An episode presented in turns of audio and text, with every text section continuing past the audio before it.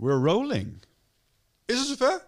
We zijn, we zijn in de lucht. Lieve mensen, schrik niet wie je hoort hier samen. We zijn er gewoon We weer. zijn er weer, jongen. Wanneer was de laatste? Dat was vorig jaar... ehm, ik denk rond deze tijd. In de zomer. April, mei misschien? Zoiets? Ja. Ik denk dat ik een liedje voor je wil zingen. Reunited. And it feels I'm so tearing up good. I'm tearing up. Ja. En als je zit te kijken op YouTube, dan zie je dat we een fucking scherpe camera hebben. We hebben nu het soort camera hier in de studio. Ja, dat, dat zeg ik, dat wil ik heel graag zeggen. Waarmee je Netflix documentaires kan maken. maar eigenlijk is dat weer één tandje hoger dan deze. Die is dan weer 800 euro duurder. Maar we hebben echt heel vette ehm, 4K camera die je niet op YouTube kan draaien. Omdat 4K nog niet gedragen wordt daar. Maar wij kunnen nu wel over Ultra HD kijken. En het is maar één camera, dus ehm, we zijn nu aan het sparen voor de volgende. En dan krijg je weer het oude, oude eindbazenbeeld Oude format. met switchen. Nou, ik vind wel iets knus hebben zo. Overhead shot. Met z'n tweeën in het beeld. Ja, zeker man. Maar goed, tof dat je er bent, jongen. Dankjewel. Heb je gemist? Ja, dat is echt volledig wederzijds. Ja. Mijn god. Ja. Het, eh, het opnames doen via Zoom is leuk, te gek. Je kan internationale gasten spreken, maar ehm audiokwaliteit dingetje. En heel eerlijk, de vibe van een echt gesprek in een studio eh, ja, is gewoon slechte evenaren. Ja. Ik denk dat we het ondanks dat oké hebben gedaan. Maar dit was toch wel een mijlpaaltje waar ik gedurende de hele pandemie toch wel telkens van... Ah, wacht maar, nog even, nog even. En dan kan het weer. En ik heb er zin in. Dus eh, nee man, het is goed om hier weer te zitten. Het voelt eh, als thuiskomen. En ehm, ja, je zei al, het zal wel onwennig zijn om hier te zijn. Eigenlijk helemaal niet man. Nee. Het is gewoon zitten en eh, oké, let's do this. Gewoon business as usual. Mooi, Let's get mooi. the show on the road. Ja, Ja, man. Ja, dan... ehm, ehm, hoe, was je, ja, hoe was je jaar dan, jongen? Hoe was mijn jaar? Ja, hoe was je jaar? Laten we het daar gewoon over hebben. Jezus, het was, Want- een, eh, het was een bewogen jaar. Ja. Laten we, dat- laten we hoe, dat hoe, heb je het mee, hoe heb je het ervaren? Hoe heb je het meegemaakt? En wat, wat zijn je gedachten er nu over? Mm, nou, ik, ben, ik denk dat het vooral eh, voor mij persoonlijk een heel leerzaam jaar is geweest. Dat ik, als ik erop terugkijk, ergens ook nodig had gehad om een kant op te duwen die ik nu opga. Ehm, kijk, boek, hè, we gaan het vast nog wel even over, hebben, is nu uit. Maar ik ben ook al heel beduidend weer over eh, die schutting heen aan het kijken naar een interessegebied waar ik nu echt in wil gaan bewegen. Jouw domein. Eh, richting het, meer het spirituele. oh, ik Eh, dacht BDSM. eh, oh ja, oh, daar kunnen we het ook nog even over hebben. Ik bedoel, eh, zeg nooit nee. Maar, ehm, nee, maar dus, dat, dus dat gaat heel goed. En ik had dat eh, eigenlijk nodig. Waarom? Omdat het afgelopen jaar, zoals op iedereen, eh, druk heeft gezet. En daarmee moest ik iets onder ogen komen waar jij in je boek ook over schrijft. Angst en het effect dat het op mij gehad heeft. Dus ik heb een, ja- een jaar gehad waarmee ik mocht dealen met angst. Ja. En dat was eigenlijk te gek. Even ongeacht wat er allemaal gebeurd is in de wereld. Het is eigenlijk te gek. En niet in de laatste plaats omdat het, het heeft me mijn, eh, het effect van angst in mezelf laten begrijpen. Maar het heeft me ook empathischer gemaakt, gek genoeg, voor wat er nu allemaal gebeurt in de wereld. Want kijk, toen wij alle, jij zat in een studio op te nemen. Eh, jij hebt een bepaalde kijk op COVID. Eh, ik zat thuis op te nemen. Ik heb een bepaalde kijk op COVID. En, en wat iedereen natuurlijk gezien heeft, is de wereld is heel erg gepolariseerd geraakt. En, en Ja. dat was eh, gelijk krijgen en wel eens niet. Dus en hoe zit het nou wel en hoe zit het nou niet? En, en, en ik ging daarin mee. Maar door een aantal podcasts, onder andere die met Vera. Vera Helleman, die zei op een gegeven moment iets. En dat heeft echt geresoneerd. Heeft zijn weg ook teruggevonden in het boek. De wereld is in mij. Ik moest even lachen, want je hebt nu ook een personal assistant die Vera heet. Ik dacht, misschien heb je Nee, Vera, nee, nee. misschien heb je Vera gelijk gekocht. Nee, nee, nee. Vera Helleman. Vera Helleman. Oké, Ehm, ja. Eh, maar, maar, maar die liet me daarover nadenken. Zo van, joh, de wereld is in mij. En, en toen dacht ik, ja, dat, dat klopt. Hè? Hoe je de wereld percipieert en vanuit welke kant je situaties benadert... zorgt heel erg over welke werkelijkheid je voor jezelf daarmee schetst. En dus ook de, de respons die je daarop hebt. Ja. Je kan kiezen om, om iets te benaderen vanuit angst, voorzichtigheid... of een stukje enthousiasme, optimisme. Daarmee dealen, dat, dat leren veranderen van frequentie. Dat, dat, was een hele belangrijke les. Maar wat het me tegelijkertijd liet doen, is... Ik zat heel erg in de eh, beschuldigende sfeer in mijn hoofd vaak. Ik vond eh, mensen die tegen vaccins waren, masker... Ik vond ze maar tegenwerkers, vervelend, eh, science ignores. En dan dacht ik, ja, maar luister Mies... De wereld is in hen ook. Dus jij hebt angst. Maar zij hebben ook hun angst. Zij, zij zijn alleen bang voor andere dingen. Maar we zitten in exact hetzelfde schuitje met elkaar. Ja. We zijn bang voor dingen. Jij bent bang voor je vrijheid verliezen. Ik ben bang voor een ziekte waar ik niet tegen kan vechten. Maar we zijn allebei bang. Alleen omdat we bang zijn voor verschillende dingen... gaan we elkaar met allerlei informatie en feitelijkheden... en dingetjes gaan elkaar lopen bestoken. En daarmee sch- schapen we frictie. Ja. En, en, en dat, dat zien en daar jezelf uittrekken eh, en er niet in meegaan, dat was iets dat moest ik. Ja, je weet het wel, maar pas als je het ondervindt kun je het toepassen. En ik had nog nooit een situatie gehad waarbij ik het moest toepassen. Ja. En, en daar heb ik wel echt een proces kunnen doorlopen het afgelopen jaar, als ik daar nu op, op terugkijk. Ehm, het heel erg bij mezelf leren houden. Dus snappen, oké, het is voor mij op een bepaalde manier nu. Dat, dat zorgt voor bepaalde gevoelens, maar dat is omgekeerd net zo. Dat proberen te begrijpen. Daar dan een stukje common ground in proberen te vinden. Van, oh, ja, Wig, Wig is ook gewoon... Wig wil zijn, wil zijn vrijheid niet kwijtraken, man. Die is bang dat hij bewegingsvrijheid verliest. Die is bang dat er iets met zijn gezondheid gebeurt tegen zijn willen. Die maakt zich zorgen over wat hij aan het opbouwen is voor Lea in de toekomst. Zou ik ook voor willen vechten, man. I get it, I get it, I get it. Dus daarom doet hij zo.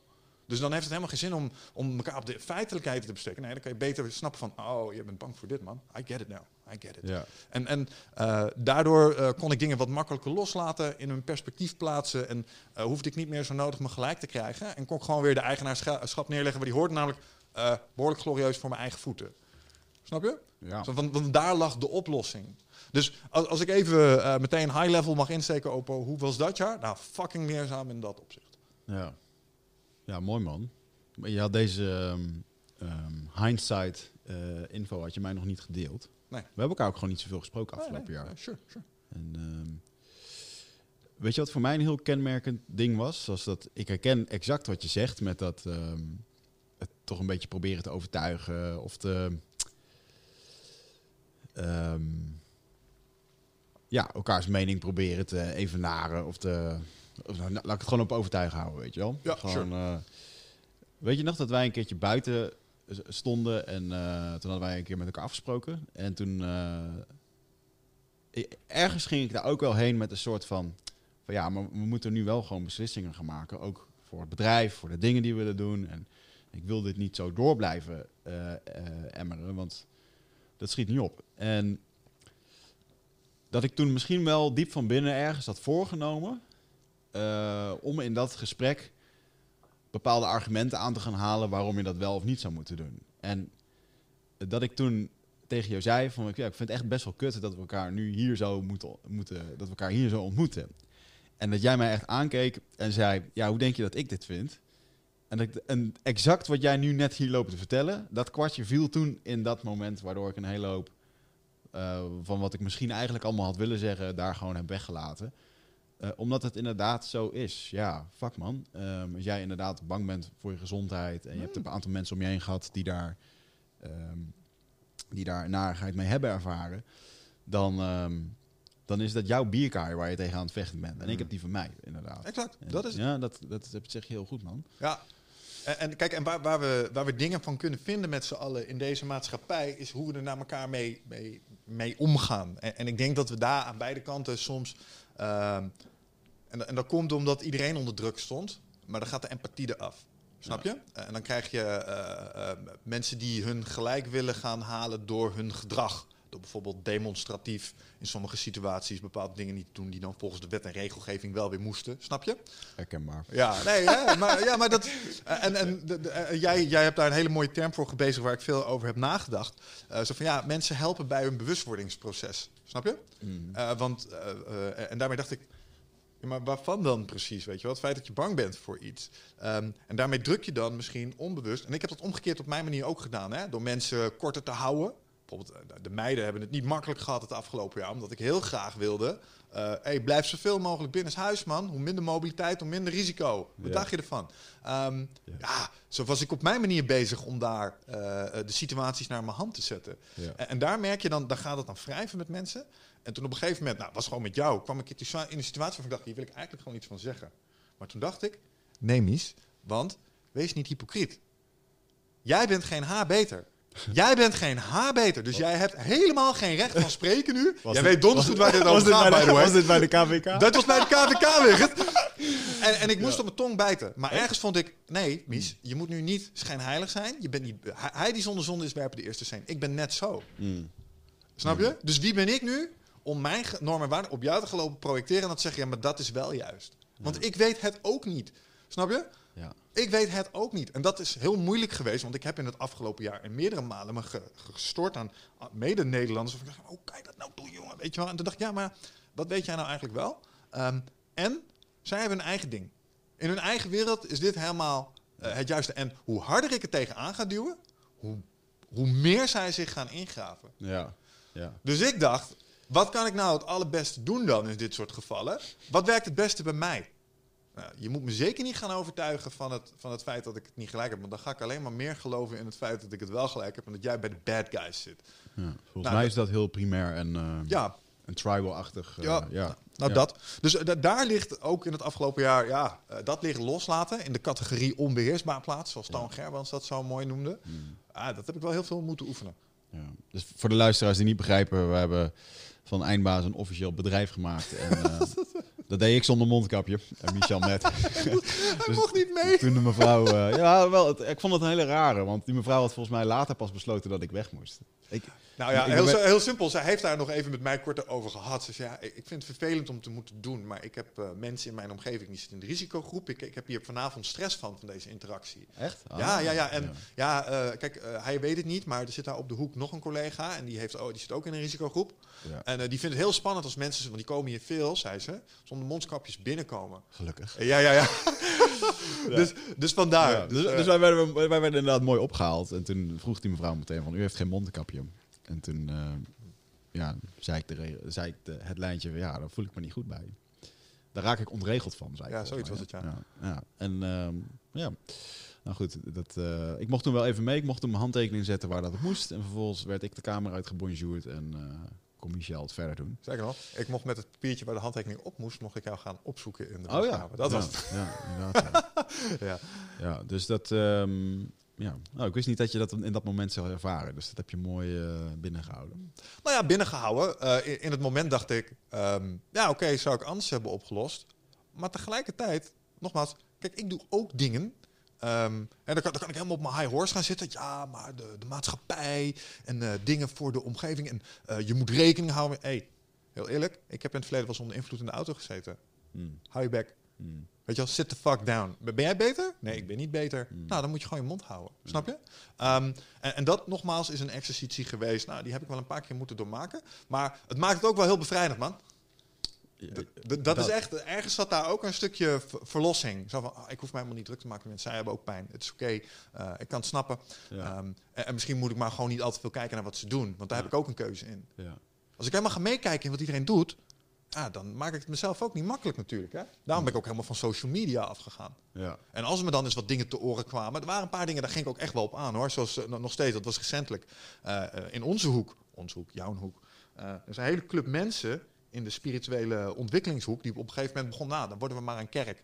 Kunnen we morgen nog even samenkomen? Dan dacht ik, motherfuckers. Weet je wel, waarom nou weer de rand opzoeken? Waarom, wa- waarom moet het nou weer zo, weet je wel? Dit it. is, ja, ja precies. En, en dan, ga dan ging ik daar helemaal op aan. En toen dacht ik gelijk, ja, weet je wat, mis? Fuck it, ze proberen ook hun ding te doen. Ja. Maar eigenlijk zou ik er dan, en da- da- da- daar moest ik dan nog wel eens achteraan met mezelf. En dan stond ik weer te voeteren thuis van, durven ze, weet je wel. Ja? Oh, grappig. Ja. Maar ja, e- ergens denk ik ook, ja, ehm, maar wat weet ik dan? Ik kan alleen mijn eigen pad kiezen. Ik weet wat ik kies. Ik weet waar ik in geloof in deze kwestie. En ik Ja. hou het gewoon lekker daarbij. Ja. ja, mooi man. Mooie inzichten. En ehm, ik, nogmaals, ik heb ehm, heel veel respect voor de opname die je met Vera Helleman hebt gemaakt. Dus voor de luisteraars, eh, een leuke podcast, leerzaam.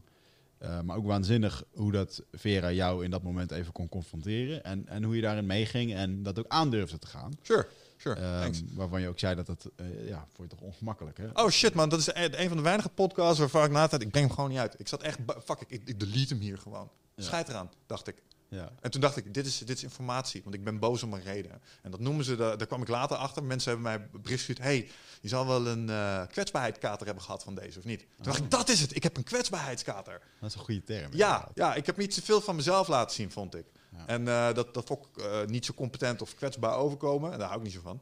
Ja. Eh, dus ik dacht, nou, ik breng hem gewoon uit. Toen dacht ik, nee, let op. In je boek staat, elke keer als je zo voelt, sta je op het punt om iets te leren. Hmm. Nou, misschien moet je dat dan ook maar doen. Ja. En toen heb ik hem ja, echt tenenkrommend uitgebracht. Maar toen kreeg ik dus echt heel veel positieve feedback. En dacht ik, oké, nou, ze zien me weer. Ja, ik heb van heel veel mensen die echt... Dit, nu kon ik Michel echt even zien, zeiden ze. Van meerdere mensen heb ik dat even kunnen horen. Dus dat... ja. Leuk, man. Voor, voor mijzelf, in, ehm, als we het dan hebben over lessen uit de podcast. Ik denk dat ik... ehm, ik heb een aantal podcasts opgenomen. Onder andere natuurlijk met eh, Flavio en Isa Kriens. En het Mm. ging natuurlijk heel erg over hè, wat er dan gebeurt. En Ik geloof ook dat dat gebeurt. Ehm, ik weet niet of alles waar is, maar hè, dat, er, dat, er, dat er iets wordt doorgevoerd in de wereld, wereldwijd, dat is geloof ik wel een feit. Hmm. Ehm,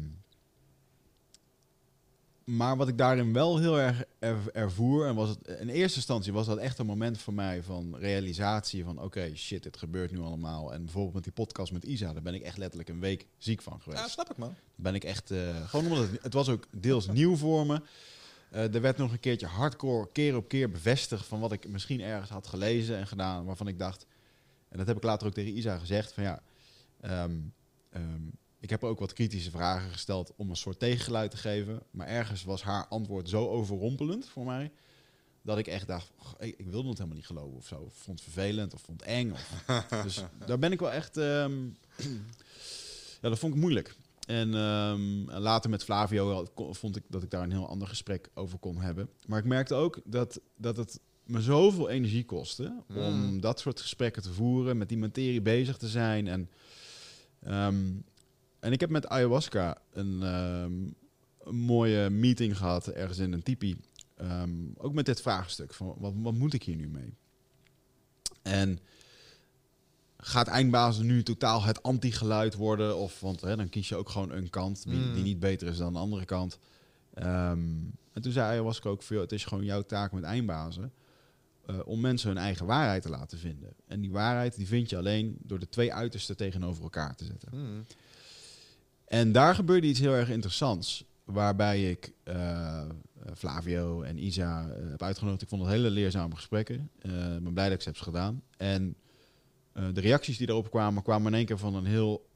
Van, vaak van een ander publiek dat nog nooit van Eindbaas had gehoord. En, en ehm, best wel extreem, hè. En dan eigenlijk in de positieve zin ook van... wauw, goed dat dit geluid er is. Wigert, uh, vrijheidsstrijder en tegen, tegengeluid tegen de media. en, en best wel intens ook met, met reageren en zo. En nou, oké, ja, prima als mensen dat allemaal vinden, weet je wel. En, ehm, maar goed, ik, ik ging verder met mijn eigen persoonlijke missie. En dat was om, om de waarheid dus van de andere kant ook te laten zien. En, en wie werkte dan met het World Economic Forum samen en zo? Ja, Jury van Geest, allemaal knappe koppen. En ik vond dat heel erg interessant, hè, want ik heb gewoon mailwisselingen gezien van Jury, waarin hij eh, advies geeft aan het Vaticaan. Daar kan een doelgroep ook van alles van vinden, overigens. Maar, De- ehm, die doelgroep waar jij nu naar refereert, zeker. Nee, maar in de zin van, kijk, Jury wordt gewoon ingehuurd. Die zit gewoon in bepaalde boardrooms en kantoren waar, waar heel veel mensen gewoon geen toegang tot te hebben. En, en ik, ik zie meer en meer, hè, mensen zeggen altijd weer de conspiracies en dingen. Ja, kijk, in podcastland zitten wij ook met Patrick Kikken, met Thijs Lindhout te vergaderen en te doen en een keertje te kletsen en te kijken of we dingen samen kunnen doen. Met een mastermind is dat niet anders. Ik zit nu in een mastermind van 100.000 tot een miljoen euro. Daar zitten dezelfde soort ondernemers in. Ga ik straks meer geld verdienen, dan kom ik in een ander clubje met Mm. mensen. En zo gaat dat door en door. En ik denk dat dat natuurlijk ook gewoon op politiek en op, op, op dat soort posities zijn. En ook het beeld van, van Jury, die dan... eh Jury heeft beelden waarvan ik denk van ja, daar ben ik het niet mee eens. Onder andere over China en zo. Maar praat wel heel veel uit eigen ervaring. En, en als je dan kijkt naar die reacties op die podcast... Toen dacht ik echt, ja, dit is eigenlijk wel heel erg grappig. Eh, en ook een Jitske Kramer die is geweest. Die, eh, helaas kon ik niet zo lang met haar praten, want ik moest weg en ze was wat later. Ehm, maar haar visie op hoe mensen samen clusteren, hoe dat dit soort conspiracies komen. En, en eigenlijk hebben we het leukste wat ik uit dat gesprek heb gehaald, hebben we niet in de podcast besproken, omdat dat daarna was. Hmm. Ehm, maar waarin je gewoon ziet dat mensen heel snel dingen, dat ze maar ergens van uitgaan. Terwijl, wat heb je daar nou eigenlijk van onderzocht? Hè? En, en een andere gewaarwording die ik later nog die avond had op Clubhouse. Want toen ben ik nog op Clubhouse gegaan. Toen kwam in één keer Jitske erbij en allemaal mensen erin. Eh Jury kwam er ook nog in, dus ik had in één keer... eh, het ging eigenlijk over mijn boek. Eh, maar in één keer hadden we een hele club samen. En toen zei ik ook zo, ja, ik voel me gewoon niet serieus genomen door mijn overheid. En toen zat er een hele slimme meneer in, was een directeur van het ziekenhuis, ben zijn naam even kwijt. En die zei, eh, hij zegt, nou goed, dat, dat kan. Maar heb jij de afgelopen jaar tijd genomen om, om een politicus een, eh, een bepaalde casus waarom je dit zo voelt, om even te mailen en eh, ja, dat aan hem uit te leggen? Nee, dat heb ik niet gedaan. Hij zei, ja, hij zegt, maar die mensen hebben gewoon een e-mailadres openbaar staan. Je kan ze gewoon mailen. Hmm. Wat heb je nou werkelijk gedaan aan hetgeen wat je voelt? Of accepteer je nu maar gewoon dat het gewoon zo is? Ik zei, ja, ik heb gewoon het gevoel dat, dat mijn mailtje daarheen niks gaat doen. En, maar dat was wel een hele, eh, eigenlijk bij ons alle vier, ook bij Jitske en zo, was dat eigenlijk van ja, eigenlijk een hele hoop problemen waar we over kletsen. Da- daar nemen we niet de moeite mee of denken we dat het geen nut heeft. Terwijl één zo'n mail, echt een goede mail, niet een of andere scheldmail, kan echt wel eh, mensen raken of ideeën ergens brengen. Dus dat was wel een mooi inzicht over wat doe ik er nou eigenlijk zelf aan aan het hele, aan het hele ding. En ook heel confronterend, want je merkt eigenlijk dat het zo groot is. Van, ja, waar moet je dan beginnen? Ehm, maar wat ik ook merkte was dat de reacties, onder andere onder die podcast van Jury, dat, dat een hele hoop van de mensen die dus naar, de pod, naar die andere podcast hebben geluisterd, niet openstaan voor een andere waarheid. En, en dat is wat ayahuasca me ook echt liet zien. Als je gewoon zo vuistdiep in die ene koker zit, dan zie je op een gegeven moment ook gewoon echt niks anders meer. Nee. En, en, en ik denk dat ik ook eventjes in die koker heb gezeten toen ik, eh, toen, toen, ik het, toen ik het allemaal tot me kreeg en tot me probeerde te verwerken en het probeerde te verklaren. En nu zit ik daar veel relaxter in. En ik zie het nog steeds gebeuren en ik vind het nog steeds ook vervelend. En ik, ik, ik heb nog steeds het gevoel dat er ons van allerlei wordt op, eh, opgedrongen. Ehm, en het grappige vind ik zelfs nog dat nu, zelfs als je blogs leest op geen stijl, die Mhm. kritisch kunnen zijn, dat er zelfs, eh, laatst stond er eentje, Ehm, dit is de mening van mij als columnist en niet, wordt niet gedragen door heel geen stijl. Hè. Dus zelfs daar op kantoor hebben ze dan nog tuurlijk, tuurlijk, tuurlijk. de meningsverschillen. Ehm, maar ja, ik vond het toch wel heel interessant. eh, eh, dat was in één keer een eye-opener. Van, ah, oké, maar durf je ook echt naar die andere kant te kijken? En, en, en ja, Ja. het is zo'n complex geheel. ehm, ja, dat het heel lastig is om alles te kunnen begrijpen. ja. Maar dat er een grote beweging ergens gaande is, eh ja zeker. Ehm, en, en ik heb daar eh, eens proberen over na te denken hoe dat, dat dan... Dat, dat zie ik echt als een heel klokkenspel. Ja, als je mijn horloge uit elkaar haalt en je kijkt naar binnen... dan is bijna Sure. Maar- te groot. Laten we het daar zo eens even als een apart onderwerp over hebben. Want daar heb ik natuurlijk ook over nagedacht. En daar vind ik ook iets van. Ik vind het fijn dat je Jury even als eh, specifieke kaas aanhaalt. Want ik was er wel niet, weliswaar niet bij, maar ik was er toch bij betrokken. Eh, want ik heb daar eh, het goede oude Mixfight Battlesuit maar weer eens eventjes van kast afgehaald. Ik was druk in de comment sections. Als een fucking Space Marine heb ik daar Ah. allerlei troep lopen wegfilteren van mensen waar ik me kapot voor heb geschaamd dat het eindbazenluisteraars waren. Serieus. Ja, de vraag is eventjes, zijn het dan uitbazen luisteraars? Nee, nee, dit waren mensen die, die van eh, de andere podcast, die uit een bepaalde doelgroep kwamen, die eh, Flavio en die andere mensen hebben aangesproken over waren kwamen waaien. Eh, De rest van de podcast zijn gaan kijken. En wat ik heb gezien in de uitingen tegen Jury, heb ik mij kapot voor geschaamd naar Jury toe. Hmm. Als Jury dat zou hebben gelezen, dan denk ik, nou, die komt nooit meer terug. Oh, Jury heeft dat gelezen. Ja, ja, precies. Maar, en ik zou het begrijpen ook. En ik dacht echt, jezus, wat een kortzichtigheid. En dat waren een paar momenten dat ik met een verhoogde hart, hartslag achter de computer zat. En toen ben ik gewoon losgegaan in de comment sections. Mensen, gewoon bands for life uitgedeeld. Jij komt nooit meer op dit kanaal. Omdat daar dingen werden, eh, doe ik ook bij sommige van de KST-podcasts. Want die worden regelmatig voor kindermoordenaars zo uitgemaakt. Ik denk, nee, nee, nee, nee. Dat vind ik niet fijn. Mm. Snap je? Dat voelt niet tof voor mij. Ik maak deze content niet om dit soort dingen eh, de wereld in te laten hebben. En daar werden gewoon echt afschuwelijke dingen gezegd. En ik heb dan zoiets, nou, nee, ik ga dit gewoon verwijderen. Voelde lekker, heel erg eh, zuiverend of zo. En ik ben niet voor censuur. Je mag in principe alles zeggen, maar dit was gewoon echt te ordinair voor woorden. En ik had echt zoiets van, nee, Ja. hier voel ik me echt niet cool bij. Ik ben gewoon boos op deze mensen. Want kijk, als je kijkt naar Jury en de oplossingen die hij aandraagt, kunnen we het wel hebben over het grote. Kijk, jij kent Jury ook. Ik denk dat dat niet iemand is die slechte intenties heeft. Snap je? Nou, hij is ook gewoon een familieman, heeft ook gewoon kinderen. Heeft- is een mens, ja. is een mens. En eh, die wil ook gewoon graag dat zijn kinderen in de volgende generatie op een planeet kunnen wonen waar ze ook een toekomst hebben. Da- daar ga ik gewoon eventjes vanuit.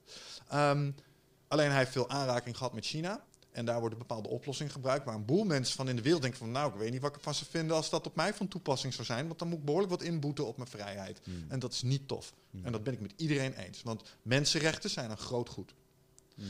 Wij hebben deze discussie ook gevoerd. Het probleem wat ik echter heb is het volgende. Stel je nou toch eens voor dat op deze aardkloot we echt nu een trend hebben ingezet waarbij te veel mensen, te veel aanspraak op de planeet, eh, te veel belasting, eh, eh, te veel complexiteit. En je moet het allemaal managen. Hmm. Snap je? Dus je wil dat dit het een aantal generaties nog volhoudt en dat het niet, want ik zag laatst een bordje, Amersfoort, beste badplaats 2100, weet je, als een soort knipoog naar climate change. Daar moeten we mee dealen. Dus je moet grote populaties moet je op een bepaalde manier gaan managen. Hmm. Toen heb ik bij jou de vergelijking getrokken met een paar computergames. Bijvoorbeeld Civilization of eh, Stellaris. En dan moet je als keizer moet je een groot koninkrijk managen. En dan moet je soms maatregelen nemen die voor die individuele burger in jouw koninkrijk, je belastingen omhoog of even wat eh, religieuze vrijheid inperken, omdat dat voor wat te veel onrust zorgt in je koninkrijk. Als je een spelletje speelt, doe je dat gewoon. Snap je? Want je bent een probleem aan het oplossen. Mm. En ik denk dat een aantal overheden ehm, gewoon eigenlijk een probleem oplossen. China probeert een probleem op te lossen. Alleen de, de oplossingen die ze ervoor kiezen, als wij daar als Westelingen naar kijken, dat social credit systeem bijvoorbeeld, Mm. ja, dat is verschrikkelijk. Mm. Dat zou je niet moeten willen. En, en waarschijnlijk komen we tot een betere oplossing uiteindelijk als we daarover nadenken. Maar ze proberen een probleem te tackelen. En wat ik altijd zo moeizaam vind aan, aan bijvoorbeeld die, die YouTube, YouTube comments. Hey, ik denk echt dat China op sommige onderdelen echt zijn doel ver, ver voorbij schiet. Maar misschien doen ze sommige dingen al wel handig. En kun je er wel iets van leren. Nat- Ja. Natuurlijk moet je niet doorslaan, Ja. maar pillage from all sources. Dus, de- dus wat doen ze goed? En als het dit niet is, en dat vind ik misschien nog het grootste euvel in die YouTube-comments altijd, is, maar wat dan wel? Ja, helemaal eens. Helemaal eens. Wat, wat, is dan, wat is dan de oplossing? Want leuk dat je overal tegen aanschopt en iedereen hier voor kankerleier en zo uitmaakt. Dat zijn het soort comments dat ik overigens verwijder. Dat ben ik gewoon meteen klaar met je. Weet je wel? Uh, maar um, wat, wat, dan wel? Hmm. Want, want het is leuk om te wijzen en te zeuren en te klagen. Maar ik heb inmiddels geleerd dat als ik de oplossing ergens voor wil, dan ben ik degene die het zal moeten doen. Net zoals die directeur jou eigenlijk, eh, ook die spiegel voor je zeggen, ja, maar wat heb je gedaan dan eraan? Hmm. En toen moest je antwoorden eigenlijk, ja, wel iets, want je hebt een podcasting, hebt het over. Maar de gemiddelde Nederlander zal dan misschien moeten antwoorden niets. Ja. Ik betaal toch belasting? Misschien is dat niet genoeg. Nee, I agree, man. En um, ik heb het er ook met, uh, met Jury zelf over gehad. En ik heb hem ook laten kijken naar de afleveringen met Isa en met Flavio. En, uh, en natuurlijk een hele hoop andere, want hij is ook nog op andere kanalen geweest. En um, ja, hij is ook bijvoorbeeld ook wel... En dan zegt hij ook gewoon van ja, want die gesprekken, het is wel heel erg gebaseerd op angst. Er zijn nog niet zoveel oplossingen, behalve van we moeten dit tegenhouden. Hè? Of het is een soort van gewaarwording. En misschien, het heeft ook een, ik geloof ook dat het een functie heeft. Hè? Dus uh, wat Isa doet, ik vind het fucking dapper dat ze gewoon de baan heeft opgezegd en, en hier nu voor zo voor gaat staan, omdat ze dat zo voelt. Daar kan je van zeggen wat je wil. Uh, ik vind dat dapper. Hmm, um, uh, Flavio ook, met zijn carrière in de wielrennersport, die gaat hij daar nooit meer terugkrijgen. En dat weet hij. Hè? En dat is nu iets wat, wat een... Um, hij is nu zijn eigen ding aan het bouwen. En dat, ja, ik geloof wel dat dat tegengeluid moet er ook zijn. En Lex Friedman, die had daar van de week een hele mooie quote over. Ja, van als we bepaalde geluiden niet meer mogen laten horen, dan, dan wordt er op een gegeven moment, uh, hè, wat wordt dan op een gegeven moment de waarheid? Mm -hmm. uh, dus dat tegengeluid is ook belangrijk. Dude, helemaal eens. Wat, wat, ik vorig, uh, wat ik afgelopen jaar, als je dan toch die kant uit wil denken, want ik zie ook neigingen. Hè? Ik zie ook wel, hmm, wat zijn ze hier nou eigenlijk precies aan het doen? Um, en ik heb je ook uitgelegd waarom ik er iets minder bang voor ben, omdat ik echt geloof dat wij als volk als mensheid kun je echt wel iets teweegbrengen tegen overheden. Heeft de, heeft de geschiedenis aangetoond. Maar de, die, die clip waarbij je al die newscasters even achter elkaar hetzelfde script zag afratelen. Ja. Dan denk ik ook, ja, er zit hier gewoon overlords op knoppen te drukken. I kind of get it, weet je wel. Dat, dat, is, dat is duidelijk. Ja. ja, ik vond het heel bijzonder. Ik heb laatst um, een interview met Flavio en uh, Thierry Baudet zitten kijken. En nou vind ik, je kunt vinden van Thierry wat hij vindt, maar ik vind dat hij dingen heel mooi kan verwoorden. Dus ik luister graag naar hem als die, als die praat en vind het grappig hoe dat hij debatteert. Maar ook wat ik interessant vond in die podcast is dat hij bespreekt. hij zit in de Tweede Kamer en dat hij zelf zijn vinger erachter probeert te krijgen waarom er dan van die beslissingen worden gemaakt um, hè, die, dat, die die Great Reset als het ware volgen. En dat hij ook beschrijft van ja, op een gegeven moment zelfs Boris Johnson, die, prime, die minister, die zegt gewoon, de prime minister van Engeland, die zegt gewoon, nee joh, corona is allemaal niet gevaarlijk. Weet je, over twee weken dan laat ik me, of over volgende week dan laat ik me live injecteren met dit virus op televisie om te laten zien dat het niks is. En iedereen deed dat. En Rutte had het over groepsimmuniteit en weet ik het allemaal. En dan in één keer, twee weken later, dan is het overal hetzelfde nieuws. Uh, Brittannië gaat daar gaat de hardste lockdown in van de wereld. Terwijl twee weken geleden zei hij nog, nee, ik laat, me in, laat het inspuiten. En dat zelfs hij zegt van ja, ergens wordt er dus een soort informatie gelekt of opdracht gegeven. Hij zegt, en ik krijg ook mijn vingers daar niet achter wie dat het dan doet of wat het doet. Misschien is het de CIA die dan geheime documenten lekt, hè, waarin het wordt aangegeven hoe erg dat het is. Hij zegt, maar dat soort dingen zijn zo, zo moeilijk om te achterhalen. En dat vond ik echt fascinerend. Dat, wauw man, iemand die zo diep in de, in de Lions Den zit. Heb je wel eens in een stuurgroep gezeten? Stuurgroep? Stuurgroep. Mm, wat, wat, is, wat is een stuurgroep? Ah, een stuurgroep. Uh, de, hoe dit soort dingen gaan. Wat ik dan denk is, oké okay, Thierry, dat is allemaal leuk en aardig, maar jij hebt ook in stuurgroep gezeten, verwacht ik. Kijk, um, als het gaat om een beleid, tussen een groep mensen, zoals bijvoorbeeld bij COVID. Als je dat zou vergelijken met een bedrijf of meerdere bedrijven. Laten we een land als meerdere bedrijven beschouwen. Ja? Dan eh, waren er soms, eh, ik heb dat eh, gedaan, implementaties, digitale zorgdossiers. En dan had je vier organisaties en die moesten een stukje software gaan gebruiken. En die hadden allemaal hun eigen beleid. En op een gegeven moment kwam er een groep bij elkaar, de stuurgroep, dat waren wij als leveranciers, samen met de kopstukken. En daar begonnen we bepaalde dingen te zeggen en een bepaalde terminologie te introduceren. En dan merkte je, die mensen die gingen naar hun eigen organisatie, spraken met de managers. En die managers die begonnen dat volgens dat jargon ook uit te dragen. En op een gegeven moment Ja. lekte dat helemaal door tot onder in de organisatie. En op een gegeven moment had iedereen het over hetzelfde en werd overal een uniform beleid gevoerd. Ik kan me niet voorstellen dat er geen stuurgroepen zijn, en dat noem je waarschijnlijk anders als eh, sta- overheden, overheidshoofden met elkaar afstemmen, maar die bellen met elkaar. Ja. Die zeggen gewoon, hé, hey, wat moeten we doen? Zullen we een uniform beleid gaan uitvoeren hierop? Ik denk, eh, heel eerlijk, dat het waarschijnlijk zoiets is. Nou, dat, zijn dan, dat zijn dan toch de denktanks die er heel veel zijn. Zoals een World Economic Forum of Sure. andere dingen. Sure, sure. En die zijn natuurlijk ooit in het leven geroepen met een doel en dat ze nu soms te veel macht hebben en dat absolute macht corrumpeert. Ja, dat, dat, dat snapt iedereen wel. Alleen eh, iedereen, ehm, kijk, geheime genootschappen, samensweringen, Ja. eh, gekloot in de, in de zijlijn, dat is er altijd Ja. al geweest. Ja, dit was echt zo hilarisch met Jitske Kramer, die natuurlijk gewoon antropoloog is. En dat ik echt... ja, eh, en toen sprak ik ook over de Great Reset en dat eh, de rijken die bepalen. En dat ze me echt aankeek. Ze, ja, maar weer het. Hey, nou, man, Dat is echt al honderden jaren zo. Dus waar maak je je nu in één keer druk over? hoezo is dat nu ineens een issue?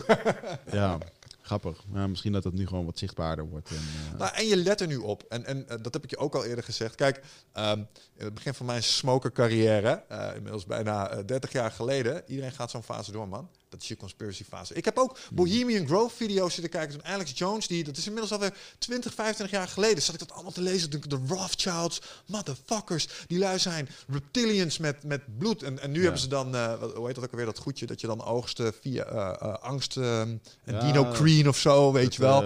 ja, bloeddrinkende... Ja, allemaal enge rituelen, maar magie en het occulte, dat is ook prevalent al al die tijd in dat soort kringen. Ik weet niet zo goed waarom dat is. Dat vind ik trouwens nog wel een interessante vraag. Waarom hebben die mensen zo'n fascinatie daarmee? Daar zou je misschien eens wat meer kunnen over afvragen. Maar eh, Mm. wat we gewoon zien nu, is gewoon het menselijk proces. En dat is sloppy. Want mensen zijn imperfecte wezens. Dus eh, onze overheid ook. Ehm, ja, was het nou de meest eh, perfecte oplossing hiervoor? Nee. Maar hoe komt dat? Nou ja, het werd gedaan door mensen. Mm. Hè, en als je kijkt bijvoorbeeld naar onze overheid, eh, waarom ik bijvoorbeeld heel cynisch ben over de politiek. Kijk eens hoe ze allemaal lopen te steggelen met elkaar, weet je wel. Want dat zijn mensen die agendaatjes hebben. Die proberen het ergens eens over te worden. En het zijn mensen, dus dat duurt altijd even. Dus dat is een imperfect eh, proces. Ja, en het systeem werkt niet meer. Ik bedoel, ik vond het heel mooi dat Maurice de Hond op de avond van de verkiezingen zei van ja, wat je nu eigenlijk ziet, deze uitslag, is eigenlijk een soort van voorbode dat ons politieke stemsysteem werkt totaal niet meer. Nee. En ik denk dat dat. ehm, ik ben ook wel blij hè, dat, kijk, eh, natuurlijk de. eh, wat ik vervelend vind is dat het in de. En dat heeft ook weer te maken met die polarisatie, is dat in de nieuws wordt er vaak gesproken over mensen met conspiracies. En dan gaat het inderdaad over de reptilians en over ehm, eh, vaccinatiechips die je inge, ingespoten krijgt. All Alleen, glory to Bill Gates, zit- all by Microsoft. Er zit wel echt een, ehm, een, een, een nuance in dat er ook een hele, gelukkig een hele grote groep is die gewoon heel mild kijkt naar van oké, maar wat er nu gewoon gebeurt is gewoon, is gewoon marktwerking, is gewoon een gewoon opgezette bullshit. Sure. En ja, ehm, En er zijn ook conspiracies geweest in het verleden, hè? ja, Ik bedoel, er waren hele, er waren hele plannen eh, om... eh, ik bedoel, ehm, hoe is Hitler aan de macht gekomen? Die heeft ook dingen in scène gezet. Dat was een conspiracy, snap je? Gewoon een aanslag op eigen bodem. Eh 9-11. Ehm, heeft daar ook... hè, sommige mensen ook, ja, hey, dat was duidelijk. Ja, maar ook daarvoor. Paperclip. ehm, de, hoe heet het ook alweer? ehm, waar ze al die arme mensen LSD hebben gevoerd tegen hun willen. Dat was ook zo'n project Oh ja? uit de Verenigde Staten. Ja, dat ken je toch wel. Ik Nee? vergeet de naam even. Ik wil zeggen Mercure Candidate, maar dat is het niet. Oh, had ik bij moeten zijn. ja, dat was echt iets voor jou. Nee, ze, ze hebben dus echt... Gratis LSD van de overheid. Ze hebben soldaten en burgers, ja. zonder dat ze het wisten, echt Oh. ongelooflijke hoeveelheden LSD gegeven. Ook voor langere periodes van tijd, soms maanden achtereen. Oh wauw. Ja, dat om te wel- kijken wat dat doet en of ze dat konden gebruiken om mensen bijvoorbeeld de waarheid te laten vertellen of Ah. eh, te programmeren, mind control.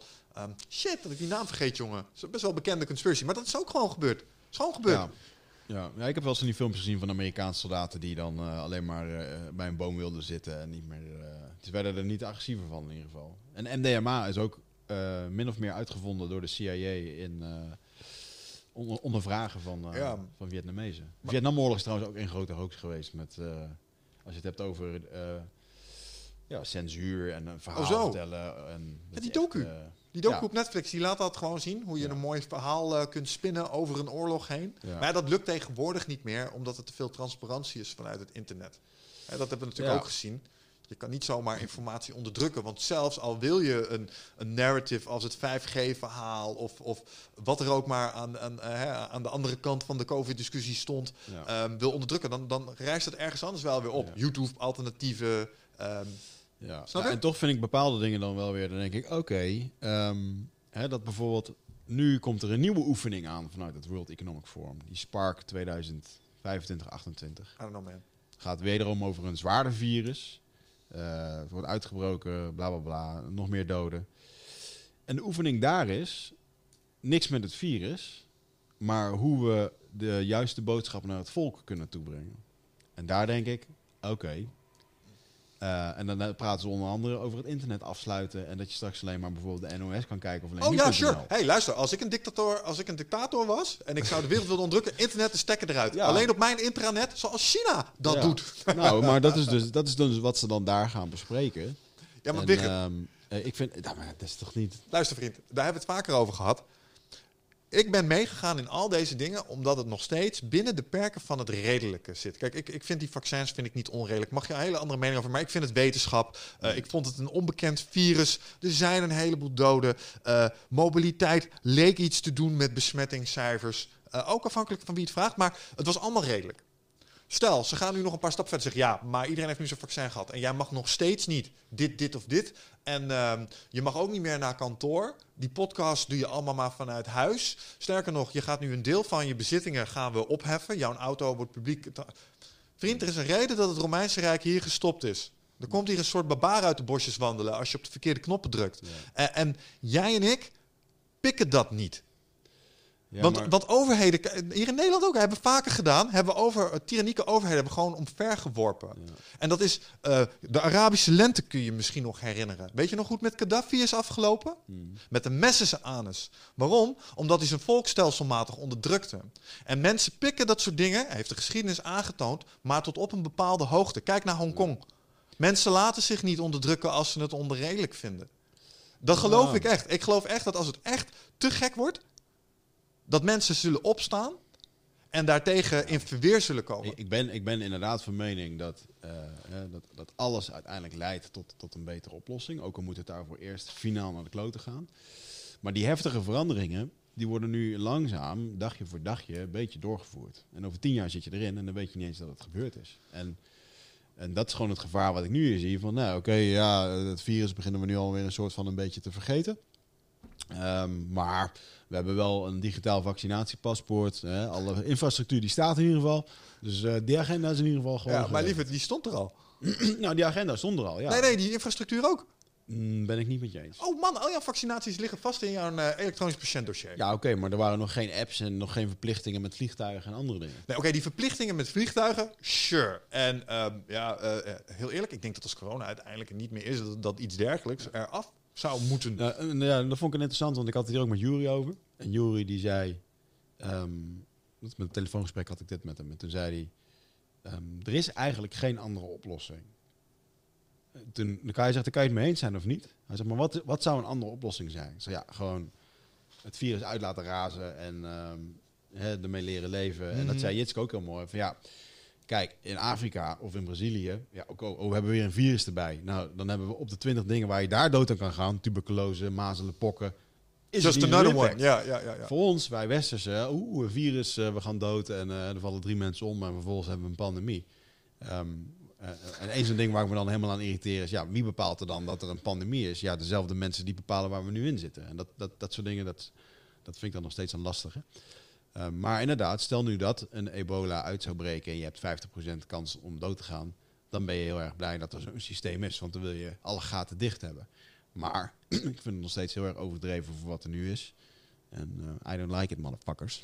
Ja, nou ja, luister, ik weet niet hoe je, hoe je... Het ligt heel sterk aan hoe je toekomstbeeld is. Want het is natuurlijk niet alsof dit... En, dat wordt door de mensen die hier eh, denken dat hier een agenda achter zit natuurlijk aangedragen. Maar kijk, eh, Globale pandemieën waren altijd al een risico als gevolg van onder andere eh, klimaatverandering. Nou lijkt erop dat dit ding gewoon gemaakt is door mensen overigens. Dat, dat, dat vind ik ook eh, interessant. Maar ja, zo zien we weer, mensen maken fouten. Dus zoiets kan is, gewoon dat, is dat gebeuren. wel, dat, eh, ben, ben je dat van mening? Of, ik weet me niet Ik echt weet, het, ik weet er niet genoeg van, maar een aantal prominente mensen die heeft inmiddels zoiets van ja, dit lijkt er toch vo- volledig op dat dit gemaakt is Hmm. door mensen. Hmm. Maar Je mag het ook weer op Facebook posten, dit bericht. Hè? Ja. Dan wordt het niet meer Ja, weggehaald. Ja. Eh, Ik heb daar ook over nagedacht van waarom mochten we dat dan in eerste instantie niet zeggen? Ik denk dat dat is omdat als ik een groep mensen een bepaald gedrag zou willen laten vertonen, namelijk verlaagde mobiliteit eh, en eh, vaccinatiebereidheid, want ik wil mijn economie zo snel mogelijk weer aan de gang krijgen, dan zou ik niet willen dat dat soort tegengeluiden al te veel waarschijnlijk rondcirculeerden. Om dan wat mijn beleid in twijfel te trekken. Ik denk dat het daarom verboden is gemaakt. Ja. Ja, Snap je? De disinformatie. Ja, Maar ja, tegelijkertijd, ik vind dat je al die dingen wel moet kunnen zeggen. ja. ja, dat mocht dus niet. En dat, ehm, Nee, maar ja, daar hebben we het ook over gehad. Sommige dingen mag je ook niet zeggen. Je mag, eh, bijvoorbeeld de holocaustontkenning is verboden. Ja, waar ligt dan het scheidslijn tussen wat wel en wat niet oké is? Dat vind ik heel moeilijk. ja, wie bepaalt dat? Ja, wie bepaalt dat? een- Dat, ik- dat weet ik niet. dat moet niet een, eh, Facebook eh, zijn of een... eh, De- Ja, maar dat zijn ze nu. Want de- dat is wat dit nog eens een keer aanvullend complex heeft gemaakt. Is dat, kijk, normaal heb je alleen te maken met een overheid. Maar nu zijn er ook overheidsoverstijgende partijen. Ja. De zogenaamde tech-moguls. technocraten Ja, en die, die hebben daar ook allerlei invloed en, en Ja. beleid op. Nou, dat zeg je goed. De, de overheidsoverstijgende eh, bedrijven. Want het, het is eigenlijk gek dat politici en of een Trump of wat dan ook, of, of zelfs hier ook in Nederland zijn er ook een paar die op slot worden gezet, weet je wel. Ja. Eh, en dan hoeft het niet eens over COVID te gaan. Gisteren is er een meisje die vlechtjes in haar haar heeft lopen doen op TikTok.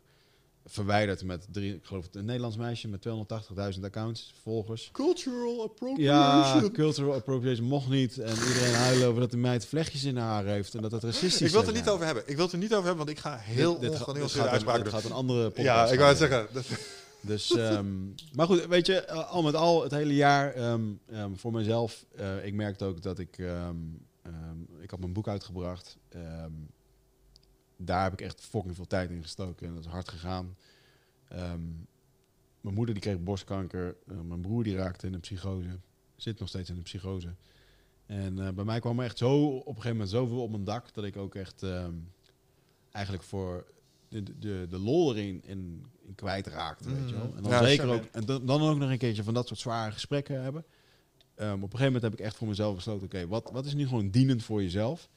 Dat ik dacht: oké, ik, ik, ik wil je gewoon eventjes. Ik kan hier nog meer over lullen en doen. En nog meer een soort van witte ridder zijn die dan de kennis naar buiten laat dragen, zodat iedereen zijn eigen mening kan doen. Maar op een gegeven moment kon het gewoon niet meer, man. Ik heb, ehm, nou, ben gewoon drie maanden ben ik op sabbatical geweest, naar vakantie geweest. Lekker man. Ja, en om er, om er een strik op te doen, ik denk dat, dat die ervaring die jij en ik hebben gehad, eh, en omdat we ook aan allebei eh, de, de kanten van dat spectrum een soort van stonden, is denk ik heel representatief voor de meeste Nederlanders. En het is ook zware stof. En wat het zo frustrerend maakt, en dat was het vroeger al en dat is het nu nog steeds, het voelt zo als eh Don Quixote tegen windmolens. Snap je? Heeft- Wat, wat is dat ook? Don Quixote was een, eh, een, een, een, ridder die tegen, die was niet helemaal goed bij zelf, en die vocht tegen windmolens. En dan kan je nooit winnen natuurlijk. Ah, Oké. Snap je? Dat is het idee. Dus Ja. als, je, als je een Don Quixote bent, ben je een onwinbare strijd aan het Hmm. knokken tegen tegenstanders die misschien niet te- geen tegenstanders zijn. Hmm. Ehm, en, en, en daar zit een stuk frustratie. En inderdaad, waar voor mij elke keer de oplossing lag naar me beter voelen. Want dit heeft mij ook heel veel pijn gedaan in de zin van ik voelde me gewoon niet goed. Ja. Ik was bang of ik was boos of ik was gefrustreerd of ik, of, of ik was onzeker. Ja. En elke keer bleek de oplossing, dan gaan we weer terug naar Vera. Ehm, de wereld is in mij. Dus ik kan mij richten op het feit dat jij en ik het niet over eens zijn. Ja. Of ik kan mij richten op mijn boek. Ik kan me richten op mijn gezondheid. En ik kan me richten op wat ik wel kan aanraken om andere mensen een beter gevoel te geven. Want ik ben erachter gekomen, dat is een hele snelle manier om jezelf ook beter te voelen. Ja. Eh, en, en, als je, en als je daarop blijft richten, wat er ons ook nog voor ligt. Kijk, als Spark 25, wat, wat, wat zei je? Eh, Ja, stel Spark. Sparky virus wordt een ding, of eh, climate change eh, wordt een ding. Dat, dat is mijn grote eh, richtpunt nu, van wat is daar nu dan eh, echt de status van. Ehm, maar die shit doet je, eh, natuurlijk moet je, moet je er rekening mee houden, is het echt. Maar als je je focus alleen maar daarop legt, kleurt dat alles wat je doet. En dat is niet in het moment leven, want dat is vooral zorgen over de toekomst En spijt om het verleden, dingen die je anders had moeten doen. En daarmee ben je een dief van je eigen tijd. En dat is wat ik heb geleerd. Want ik ben in het anderhalf jaar ben ik veel tijd kwijt geweest aan twisten, boos zijn en dat soort dingen. Dat is tijd die ik nooit meer terugkrijg. Terwijl ik ook op momenten dat ik mijn gedrag aanpaste, had ik een compleet andere ervaring. Voelde ik me vrolijk, gelukkig en licht. Ja. En dat is bijna een keuze. Ja, dat zeg je heel goed. Ik heb me heel veel bo ik heb me boos gevoeld en ook wel een beetje ehm, soort van verraden. Dat klinkt dan heel stom, maar ik heb vorig jaar vol ingezet op het eh, sprekerschap. Kreeg ik lekker veel opdrachten, dat ging goed. Mm. En, ehm, en in één keer kwam dat. Alles, helemaal al mijn omzet viel weg. Ik kon niet meer naar retreats. Ik kon mijn retreats niet meer doen. Ik ging nog wel een boek uitgeven. Mm. Ehm, dus ik werd wel gewoon, ik werd geraakt in heel veel stukken. A, in hetgeen wat ik graag wil doen. B, in wat ik, wat ik allemaal kon gaan doen vanwege financiële dingen. En toen niet meer. En ik moest mezelf opnieuw uitvinden. Ja. En toen dacht ik, ah, ga, moet ik dit nu weer doen, weet je wel? En anderzijds heeft het me ook heel erg laten zien... ehm, dat, dat het bedrijf Wigert Meerman niet holistisch in elkaar was gezet. Want ik was heel erg afha- afhankelijk van, van, het, van het spreken. En nu, nu heb ik ook wat meer digitale dingen en sta ik daar ook weer wat sterker in. Dus dat heeft het dan wel weer gebracht. Maar ik, ah, dat idee dat je jezelf weer opnieuw moet uitvinden... en dat vond ik echt heel... ehm, ja, vond ik lastig. Ja, maar cruciaal man. Hè, wedergeboorte is altijd pijnlijk. Ja, Je Mm. bent de, de heroic journey gewoon weer in zijn volheid. Je stond weer aan de call to action. En die was Ja. eh, reluctant, zoals die hoort te zijn. Zoals die hoort te zijn. Ja. Maar buiten dat is het ook een heel mooi jaar geweest. Ik bedoel, eh, Ja, wat waren highlights voor jou? eh, eindelijk een keer alleen in de stu- studio podcast. Ja, snap ik. Oh, wat nou, moet, ik heel eerlijk zeggen dat ik, dat ik er echt van heb genoten om sommige gesprekken inderdaad in mijn eentje te voeren. Cool. Ehm, eh, het was ook eventjes de vraag van, lukt dit wel? Maar ook echt even gedacht van, oké, nou, het is even fijn dat, eh, dat, dat nu mijn gedachtegoed hierin kan. En dat is ook heel grappig in de comments. Dat, dat, ene keer zag je dan een, eh, een, een, een ding van, een bericht van iemand die zei van, nou, het is goed, uh, Wigert, dat je deze alleen hebt gedaan, want dit is echt een gesprek van gevoel tot gevoel. En daaronder zag je dan weer een comment van, ja, waar is eh, Michel om eh, de kritische vragen te stellen, weet je wel? Dus dat, ik vind het heel leuk. Ik vind het ook leuk dat de luisteraars dat zo eh, eh, hebben ervaren. Ik heb natuurlijk mijn boek uitgebracht Sure. Ja, en eh, dat is tof gegaan. Eh, ook echt, dat is understatement. dat is- ja, nee, dat, is echt heel, ja, dat is echt heel goed gegaan. Ben ik heel super, trots op. Ehm, ehm, dat is echt wel een trip geweest. Maar het is voor mij, dan moet ik het even hebben, van januari tot, tot nu, is echt een fucking pittig jaar voor mij geweest. Hmm. Eh, zeker in de privésfeer. En wat ik al zei, omdat mijn moeder borstkanker kreeg, die is in behandeling geweest. Ondertussen weer eh, genezen verklaard, Hmm. nou bestraling en dingen. Ehm, en voor degenen die mijn verhaal kennen en mijn boek hebben gelezen, ehm, wij gingen weer eventjes 20 jaar terug in de tijd met, eh, ja, met wat dingen die eh, gebeurden met mijn broer onder andere. En dat jongen, dat is echt weer, als je weer eventjes in die energie tapt, van oh, hoe, dat, hoe, hoeveel energie dat dat kan zuigen, dat Mhm. soort interne problemen. Dat vond ik wel een hele lastige. En ehm, daardoor voelde ik mezelf ook niet gelukkig. Dat heeft dan weer een soort van kettingreactie ook in je ondernemen, ook in Sure. je eigen relatie. En eh, weet je, dus ik werd er echt helemaal, ehm, ja, ik was er even klaar mee. Ja. Rond eh, maart of zo was dat. En nu? Dus ja, nu eh, minder. minder, minder, minder klaar ermee. Nee, ik, ben wel, ik ben wel goed op, weet je, mijn moeder is genezen. Dat was echt een, was een schok voor mij, man. Van fuck, man. Dat mijn moeder me in één keer belde. Echt typisch mijn moeder ook. Hey Wig, ehm belde ze op dinsdagmiddag. Zou je het erg vinden als ik eh, donderdag eh, niet kan oppassen op Lea? Ik zeg, nou, vind wel vervelend. Want ik heb wel twee podcasts eh, gepland. Maar ja, wat is er dan? Nou, het ziekenhuis heeft net gebeld. Ik heb, ik heb borstkanker. dat, dat, dat geeft de loyaliteit van mijn moeder aan, Ja. weet je wel. Dus nou, dan laten we vooral daarheen heen gaan.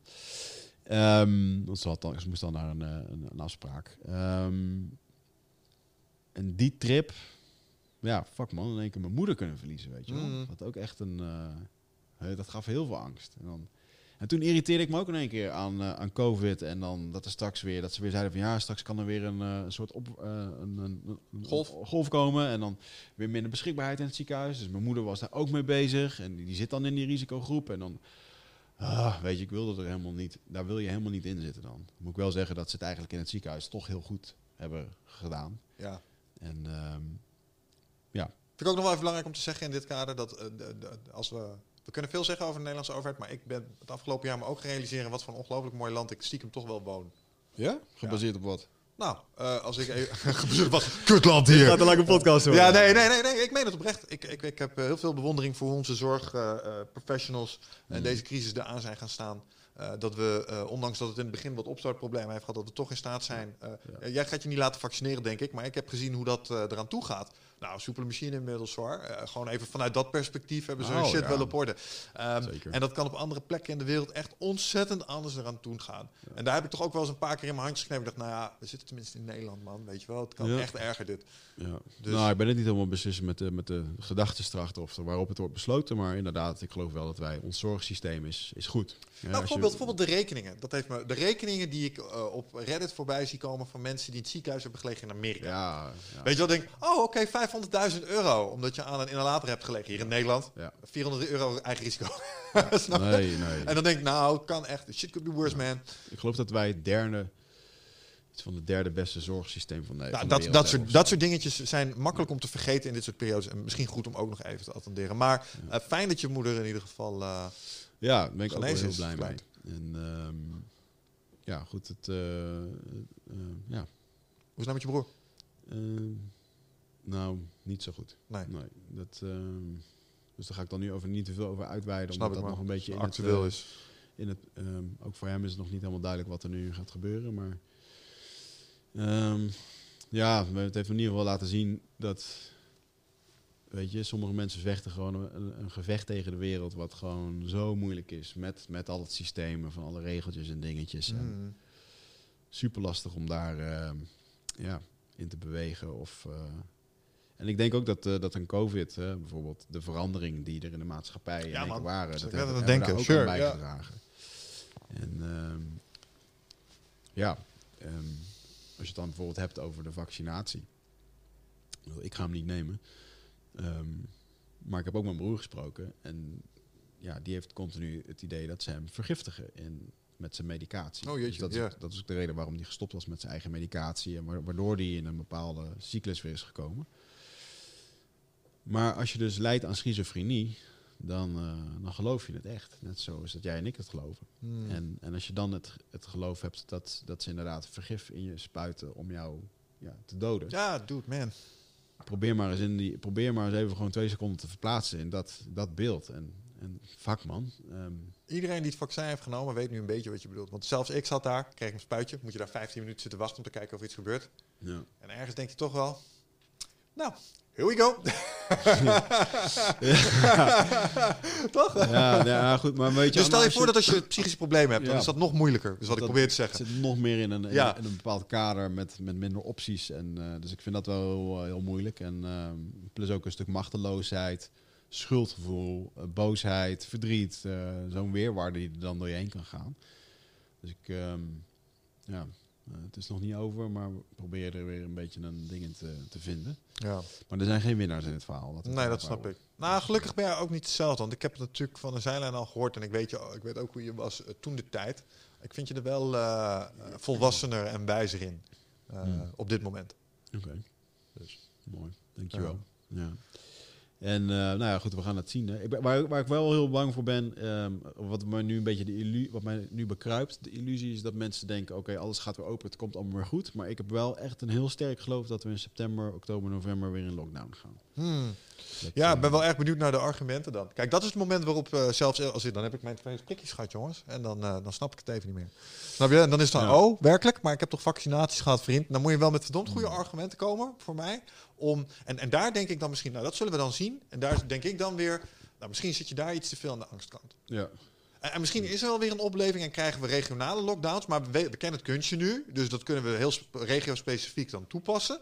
Ehm, ja, en nogmaals. ehm, ik denk dat een heleboel mensen nu ze gevaccineerd zijn en ze het gehad hebben. Ik kan me niet zo goed voorstellen wat de, wat dat de opleving dan nog met zich mee zou moeten komen. Of er moet een variant ontstaan die tegen de vaccins Ja, kan dat, maar daar, daar waars, dat is een, eh, hoe ik dat baseer is dat ze er aan nu al voor waarschuwen. Hè. Je hebt, nu komt de Indiaanse variant, maar het kan Sure. straks ook de, de Oost-Europese of de Chinese of de weet ik veel wat. eh, Oude kerk en de Amstelse ja, variant. Ja, precies. De Wigert variant. De ergste. En ehm, eh, dus dat is sowieso een ding. Ehm, een ander ding wat ik wat mij bij is gebleven is uit een eh, professor die ik hoorde kletsen over iets, was dat er een kans is dat het vaccin eh, als het straks in aanraking komt met een wild virus, eh, dat mensen daar een bepaalde reactie op kunnen krijgen. Ja, daar hoop ik op. Eh, nou, maar dat is, een, dat is een reactie die dan, waardoor je erger ziek wordt. Dat noemen ze, daar is een bepaalde term voor binnen de vaccinatiewereld. Een re, reto nog iets. Retroactief, retroactief. Ik weet niet, maar eh, feitelijk betekent je wordt gevaccineerd, je komt dan in aanraking met het wilde en daardoor komt er een bepaalde eh, botsing in je lichaam waardoor je nog erger. Oh ja, of wat dacht je van alle virussen die even de Great Disappearance Trick hebben gedaan, even een tijdje op de achterbank hebben gezeten en denken, nu is het onze beurt weer. Eh, je ziet Hmm. nu in sommige gebieden res- respiratory viruses opkomen die normaal alleen in de winter te zijn, die zijn er nu ineens in de zomer. Ja, Wat zijn jullie aan het doen, jongens? Weet je wel, alsof ze met elkaar aan het afstemmen zijn. Ja, dat zijn op Ja. zich allemaal risico's. dus dat, dat, dat ehm, en wat me daarin, wat, waarom ik dat wil, ehm, waarom ik dat geloof, is omdat ehm, ze hetzelfde hebben gedaan met het eh swineflu virus en nog wat andere, ook een corona-achtige virussen. En in die test hebben ze ook op dieren getest. En daarin was eigenlijk iedere keer de, de uitslag dat dat het geval was. Nu bij ditzelfde soort eh, vaccin is dus ook niet getest op dieren. Dus zou het een hele grote kans kunnen zijn dat dit straks gebeurt op, op iedereen die gevaccineerd is. Ja. Ehm, ja. Are. En als dat dan gebeurt, dan wordt er natuurlijk ook weer gezegd... zie je nou wel, het is zo'n ontzettend gevaarlijk virus. Maar het is nu al bijgesteld naar 0,15. Hè? Het is gewoon minder dan griep. En, en dat, dat het nog steeds op die A-lijst staat... ten opzichte van ebola met 50% en 0,15... Dat, dat is echt een... Ja, eh, maar, ja, maar, ja, ja. Nee, laten we niet in een COVID-discussie belanden, man. Want er zijn zorgprofessionals die denken dan, Wig, als ze dit horen, ja, is leuk, Wig. Ik heb mensen die hebben long-COVID eh, gehad. Dat was echt niet cool, Ja, weet maar- je wel. Uh, Ja, dus- dan, maar dan hebben ze dus die persoonlijke ervaring gehad. En, en dan denk ik nog steeds van... oké, maar als we dan eventjes uitzoomen... En, en we kijken echt naar dit soort cijfers en dingen... dan, oké, dan, eh, dan heb je mij nog steeds niet overtuigd. Terwijl Nee. ik weet ook dat jij mensen in jouw omgeving hebt gehad... die er lang last van hebben gehad. Of dat er nu een centrum in Amsterdam is opgericht. Een soort polykliniek voor mensen die er langdurig last van hebben. Maar ja, over hoeveel mensen gaat het dan daadwerkelijk die, die het dan gehad Hoogste hebben? schattingen 20%. Laagste schattingen ergens rondom de 10. Maar moeten die 20% allemaal naar de polykliniek toe? Om langdurig, herstellen? eh, langdurig zijn ze aangetast in hun cognitieve en eh, eh, zeg maar eh, lu- lucht. Eh, dus, dus het vermogen van hun longen. Maar ook cognitief. En dat vind ik persoonlijk de engste van het hele long-covid. Kijk, eh, een van mijn instructeurs, eh, die heeft de nachtmerrie die ik erover had, heeft hij ervaren. Kijk, dat ik er niet aan dood zou gaan, dat wist ik op een gegeven moment na, na zes maanden ook wel. ja. Maar, kijk, als je kijkt naar wat ik doe voor mijn werk, woorden snel achter elkaar zetten. Hmm. Eh, mensen met een bepaalde energie tegemoet treden. Kijk, ik ben erachter gekomen, ik kan echt heel goed online lesgeven. Ik hou mensen vier uur via Zoom bij de les en dat komt omdat ik energiek ben. Hmm. Een van mijn instructeurs die heeft COVID gehad en die moest dus op een gegeven moment na een x aantal weken herstel, 12, dacht hij het gaat wel weer, ging die lessen geven. En die had dus, dat moet je je voorstellen, dat wij nu in een gesprek zitten en dat je op een gegeven moment dat je wegtrekt zo, je komt niet meer uit je woorden. Ja. En ik, ik begrijp niet meer wat je tegen mij zegt. En ik kan er niet op reageren. En ik moet nu dan ineens zeggen, sorry, ik moet naar huis, man. Ik Ja. me- Eh, en dat dat dan vervolgens nog maanden aanhoudt. Ja. En je bent ondernemer, hè? Hmm.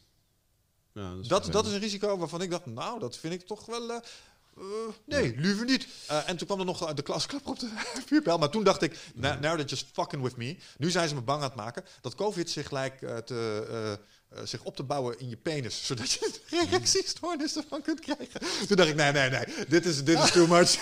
Pak af. Nu haak ik af. Nou, maar, ja, ja. Nou goed, ik vind dit soort verhaal- ik weet over wie je het hebt. Ik vind dat heel vervelend dat mensen dat zo ervaren. ja, man. Maar ik vind dit het toch een beetje hetzelfde verhaal van eh, iemand die een ongeluk had. Je buurjongen die heeft een ongeluk gehad op de fiets. Eh, laten we dan maar niet meer fietsen. Nee. Of Ik ken ook een keer een gozer die is naar Thailand geweest en die heeft daar een SOA opgelopen waar ze geen naam voor hadden. Jij weet, jij weet, jij kent deze persoon. Ik wil namen Ja, gaan roepen. Ja, nee, ik, ik, ik, Maar ik ga, dat ik ga dit nou niet, niet ik ga doen. dit niet zeggen, want dit is nog uit onze oude mixfight. Ja, ik weet denk ik precies om wie dit gaat. Oké, cool. Maar, eh, ehm, en, en, ehm, eh, maar goed, hè, dus, dus is dat dan de reden om dan maar niet meer de seksuele interactie aan te gaan? Nee, En, hè, nee, wat mij betreft ehm, niet. Oké, eh, dus- ik heb er nog één gedachte over. En dan denk ik dat we moeten overstappen naar een onderwerp. Ja. Ehm, maar ehm, ja, er zitten risico's aan, eh, aan aan dat vaccin. Dat zie ik ook. Maar de kans om een X-Man te worden was ook nog nooit zo groot. Dat ben jij nu. Toch? Ja. Nou ja, en, en, en ik geloof wel hè, dat als het werkt, dan wordt dit een nieuwe generatie vaccins waar we nog een hoop mensen mee gaan helpen. Nou ja, ik zie bijvoorbeeld eh, mRNA nu ineens worden ingezet. eh, bijvoorbeeld eh, als vaccin tegen kankers. En dat, soort dingen. Dat, Mm. dat zijn nu dingen die zijn geunlocked. En zullen, Ja. hier nog, zullen hier nog onvoorziene omstandigheden uit voortvloeien? Ik denk het wel. Alleen, we zitten in een imperfecte situatie en we zijn op zoek naar oplossingen. En, en dat is een beetje waar we, waar we over begonnen. Ongeacht waar we staan in dit hele verhaal, kan ik inmiddels ook wel een beetje de houding inpakken van ja, maar dat moet iedereen gewoon voor zichzelf Dat gaan is het bepalen. helemaal, man. Dat is het ook. Doe het lekker wat je mee wat je wil. En dat En, is eh, het. Eh, en en ik, ik hou, eh, of jij een vaccinatie neemt of niet, ik hou desondanks van je. Snap je wat ik bedoel? Ja. Ehm, en, en ik heb begrip voor de angst die je hebt. En als jij omgekeerd. En dat, hebben, we- dat vind ik heel tof aan, aan het afgelopen jaar. Want ondanks dat we er zo anders in zaten. We zijn er nog steeds. Snap je wat ik bedoel? Dus we, hebben, we zijn in staat geweest om elkaars standpunt, ondanks dat die heel verschillend waren, Mm. te respecteren. Ruimte voor te geven. En desondanks gewoon voorwaarts te gaan naar een toekomst. En ik denk dat dit- deze hele maatschappij dat ook gewoon kan. Snap je? Ja, Dus- ik weet niet of iedereen dat kan, maar eh, Of zou moeten willen misschien. Maar het is mogelijk, is wat ik eh, daarmee Ja. probeer te wordt zeggen. vervolgd. We gaan het allemaal wel weer zien. En, it, ehm, ja. Maar what, eh, nog, even, nog even terug naar jou en, en je jaar. Ehm, Eh, het jaar is ook nog ja. niet voorbij, hè? We, hebben nog nee. interessante dingen in het vooruitzicht in dat opzicht. Nou, ik heb met een online programma begonnen. Eigenlijk de praktische uitvoering van mijn boek, The Journey. Dus daar bleef ik veel plezier aan. Ehm ehm, retreats kan ik weer geven. Dus ik heb twee uitverkochte retreats. Of nee, eentje is niet uitverkocht. In september zijn nog plekken. Waar hou je die? Ehm, in de rente. We gaan verhuizen. hè? We gaan verhuizen. Jij gaat verhuizen met je retreat. Ja, dat schijnt. Ja. Maar eh, dus daar gaan we lekker mee aan de slag. Eh, ik heb de onwijze drang om terug naar de jungle te gaan. Ik heb Cool. echt heel veel zin eh, om eh, al dat mooie werk te laten zien. Mijn stichting eh, is deze week, nou, de, ligt bij de notaris alleen om een handtekening te zetten. Foundation. Ja, dus daar gaan we lekker mee aan de slag. En ehm, ja, ik heb gewoon eigenlijk heel veel zin om terug te gaan naar die jungle. Ik ga minder doen, waardoor ik meer gedaan krijg. Nou, dat was volgens Ja. mij een voornemen wat ik eerder heb geroepen Ja, ja, ja, ja. Maar ehm, ik ben echt dingen nee aan het zeggen. eh, kopjes koffie, dingen en mooie kansen. En eh, nee. Eh, het is me echt heel erg duidelijk geworden dat ik misschien ook wel uit een soort angst op heel veel dingen altijd heb ingespeeld. Om nooit ergens de boot te missen. Ehm, eh, nou, we zijn bezig met Nutrifit verkopen. Ja. Ehm, hè, dat is ook zo'n ding om dat los te laten. En ehm, ja, al, al met al eh, zijn dat toch wel hele belangrijke dingen. Ik ben eh, onwijs gelukkig in een relatie met mijn gezin, waar we ontzettend veel plezier en, en lol maken met elkaar. Ehm, ik en Marieke hebben elkaar ook alweer opnieuw gevonden de afgelopen eh, jaar. Er ook wel heel erg achter gekomen dat hetgeen waar we verliefd op waren geworden bij elkaar, dat dat op een gegeven moment niet meer de ultieme vorm was in de relatie. En eh, ja, we hebben echt wel samen hard aan gewerkt om dat eh, opnieuw invulling te geven. En eh, ja, dat is goed. Goed om dat te doen. Nice man. Ja. Hey eindbaas en luisteraar, dankjewel dat je zit te luisteren naar deze podcast. Ik onderbreek hem eventjes voor een hele belangrijke boodschap. Of misschien liever gezegd een uitnodiging. Want op 24, 25 en 26 mei, dan is er weer een nieuwe editie van Ride of Passage. Dat is mijn retreat voor persoonlijke ontwikkeling. En speciaal voor de mensen die op zoek zijn naar, ja, naar, naar helderheid. Of dat ze lastig bij hun gevoel kunnen komen. Dat ze moeilijke beslissingen moeten maken. En dat ze zo ontzettend in hun hoofd zitten ja, dat ze er eigenlijk gewoon niet meer goed uitkomen. Of dat ze misschien al heel lang in een, ja, een soort van oud gevoel zitten. Dat ze dat gevoel willen transformeren. Of misschien wil je gewoon een oud stuk achter je laten. Ergens een punt achter zetten. En ja, zoek je misschien heling op iets wat, wat je te lang hebt weggeduwd of, of hebt vermeden. Daarvoor wil ik je uitnodigen op 24, 25 en 26 mei om in een retreat mee te doen waar de inhoud van het programma geheim is. Waar de belofte is dat het oncomfortabel wordt. Want jij begrijpt als geen ander dat als je die volgende stap wilt maken, ja, dan zul je uit de comfortzone moeten komen. En ik garandeer je, laat mij dat proces begeleiden met jou voor drie dagen. En je leven zal daarna nooit meer hetzelfde zijn. Eh, Gemiddeld beoordelen de deelnemers het met een 9,2. En daar ben ik ontzettend trots op. Er is ook een money back guarantee. Heb je de drie dagen vol, volbracht en vind je het niks, krijg je gewoon je geld terug. Dus het enige risico wat er is, is dat je gelukkiger kan worden. Ik zie je op Bride of Passage. Ga naar wichertmeerman.nl en klik op Retreat. Klinkt goed? Ja. En bij jou? Ik zie een heel mooi boekje nu voor me Ja, liggen. jeetje. Het is ehm, eh, nou, echt letterlijk... Hij ruikt nog helemaal nieuw, maar dat komt ook omdat hij nieuw is. Ja, nou, de, de low points hebben we denk ik eh, al even besproken. Dit is een eh, onbetwiste eh, highlight. Eh, dan beginnen we misschien achteraan. Maar deze is dus eh, twee dagen geleden, terwijl we dit aan het opnemen, eh, uitgekomen. In de pre-sale eh, hadden we op een gegeven moment eh, een mooie mijlpaal. Deze, deze kon jij wel waarderen volgens mij. Ehm, want ik heb deze uitgebracht En eh, op een gegeven moment hebben we het boek in de voorverkoop gegooid. En toen kwam er op een gegeven moment een aantal uit. Mijn uitgever belde en zegt, mijn gast, je raadt nooit hoeveel boeken we hebben verkocht in de voorverkoop. Hij zei, hoeveel zouden het er moeten zijn? En, en als je mij een beetje kent, dan weet je dat ik het heel leuk vind om allerlei easter eggs, knipogen in mijn werk te verwerken. En het getal 42, maar ook 420 eh, zijn daar eh, heel belangrijk in. Dat vind, dat vind ik mooi. Een soort Ja. knipoog, shout-out naar wat dingen. Eh, en dus waren dat we dus 420 eh, boeken verkocht in de voorverkoop. Even los van de early access. Ehm, en dat was al een hele dikke knipoog dat dit maar zo eens leuk zou kunnen gaan worden. En toen kreeg ik dus op een gegeven moment gisteren, en dat had ik je ook al laten weten, kreeg ik het heugelijk bericht dat eh, dag 2 druk 2. dus ehm, ja, hij is in de verkoop gegaan. Alle Heel dik. exemplaren waren direct uitverkocht. En eh, we gaan het boek nog een keer herdrukken. Dus eh, die zie ik even als een absolute win uh, vooralsnog. Fucking dik, man. Ja, dat was wel echt heel, heel, heel erg. Ik krijg veel berichtjes de laatste dagen, daar word ik echt heel blij van. Hoeveel was een eerste oplage? Wat hebben ze gedrukt? Ik geloof dat de eerste oplage 1200 stuks was. En die is wel bijna verkocht. Ja, ze, kopen dit, ze doen dit natuurlijk met vooruitschijn. Ja. Je gaat het meer verkopen. Ja, dus ik direct van, hey, nee, stop, stop. Ik heb vragen, want ik heb nog wat correcties en zo. Nou, dat doe je maar in de derde of in de vierde druk, want het gaat hard, was de boodschap. Nou, ja, eh, leuk. Nou, het is waanzinnig, man. We gaan er zo meteen nog een aparte podcast over ne- opnemen. Mhm. Maar ehm, echt leuk dat Paul Smit, en Rick, Paspoor, Rick Pastoor en, eh, Mark Tichelaar er ook wel mooie woorden over schreven. Eh, ook tof dat Paul Smit je voorwoord heeft geschreven. Ja. Vond ik ook heel gaaf dat hij dat eh, deed. En, eh, en la, wel wezen, ik bedoel, ik, ik ken deze materie en ik heb me vaak aan mijn hoofd gekrapt. eh, terwijl je dit aan het uitleggen was van wow, het is best wel complex. Maar als ik dan nu zie hoe dat ze het hier hebben. Ik kan echt zien dat mensen jou hebben geholpen met het eh, versimpelen hiervan. Toegankelijk maken van deze shit, ja. ja, en ehm, ja, dat is echt wel... eh, Ja, en wat je er Mooi. ook in ziet, ehm, en dat is wel echt zo, want als we dan eh, even doorstappen op dit jaar, hoe ging het jaar? Het jaar ging verder ook qua ondernemerschap. De- Ik heb eh, gelukkig niet, en daar heb ik best wel, eh medelijden klinkt zo naar, maar daar heb ik wel met je te doen gehad. Jij hebt echt best wel wat, wat, wat tikken gehad en ja, door het soort werk dat ik deed, kon ik echt goed door.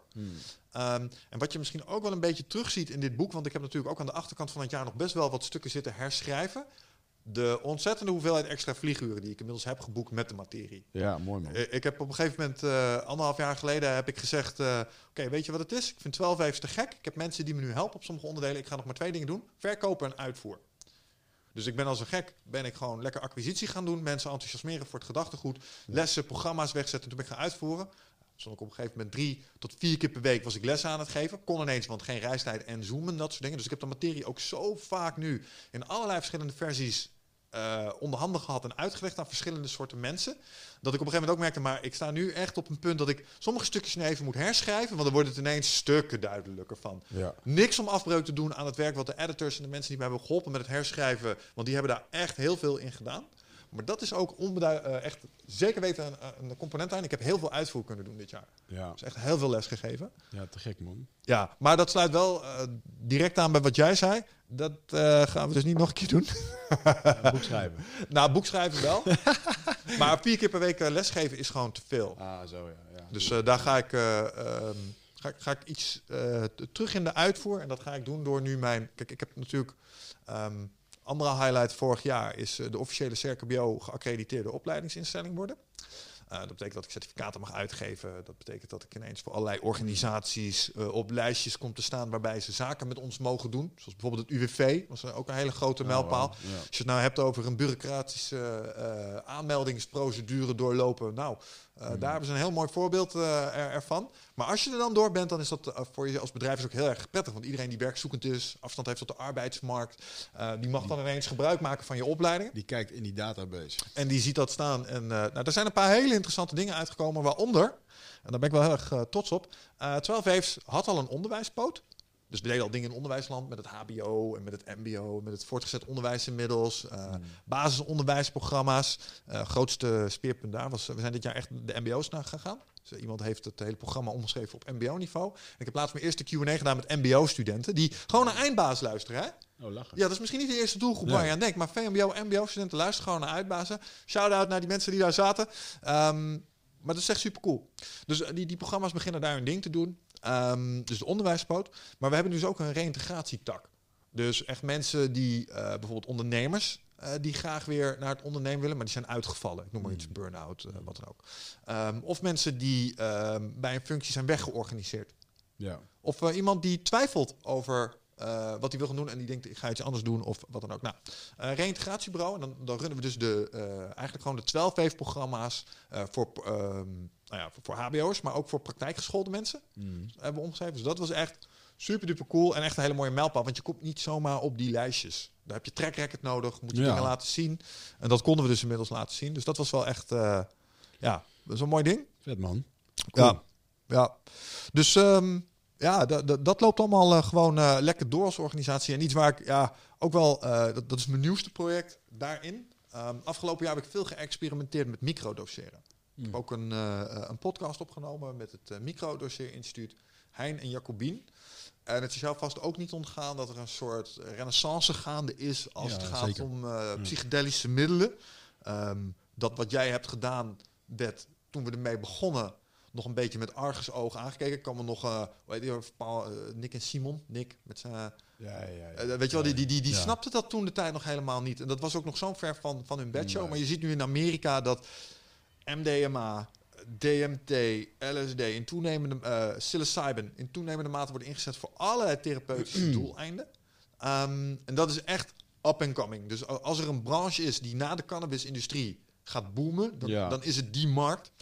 Ehm, en, en wij zijn natuurlijk fans van psychedelische middelen. Ik bedoel, in mijn boek refereer ik er eh, eh, ook naar. Die kunnen in de juiste omstandigheden echt heel veel groei teweeg brengen. Mm. En wat mij altijd cool leek, ik heb je altijd al gezegd, ja, een van de dingen die op mijn eerste roadmap stond, is dat eh, het mij ontzettend cool lijkt om met mensen, ehm, onder andere met dat soort interventies aan de slag te gaan. Hmm. Maar dan niet helemaal in een ceremoniesetting, ehm, maar iets meer gekoppeld met het eh 12 protocol.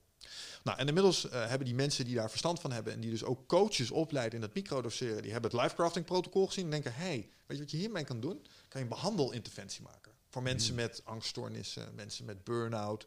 Ehm, en daarmee ontstaat er eigenlijk een, een, een soort beginnende zorgtak. Mooi. Ja, waarbij het doel is om een, een eh, evidence-based behandelprocedure te maken van een, uh, een microdoseerprotocol. Samen met, eh, met dus, eh, het Microdoseer Instituut, uh, Jürgen Forst, waar ik je zoiets over vertellen, dus bosbaden. En dan het Lifecrafting protocol als een soort behandelplan daarachter.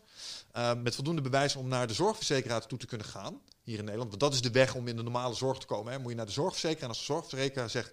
Ah, dit, is, dit, dit werkt, Mm. dan gaan ze het vergoeden. Waarom? Nou ja, om jou ziek thuis te hebben is veel duurder namelijk. Dus um, dat, is wat daar nu uh, in de stijger staat. En dat is echt iets, ja, daar, daar ben ik echt super enthousiast over. Heel interessant, man. Omdat daar komen de werelden die uh, ja, eerder een beetje ver op elkaar lagen, die komen nu gewoon samen. Mm. Maar dan niet meer vanuit, want jij hebt ook wel eens, ik kan me nog herinneren bij ABN, uh, dan staan we voor zo'n groep uh, professionals en dan komen we op het onderwerp jungle, en dan ik weet niet hoe het bij jou is. Ik zit dan toch altijd een beetje zo.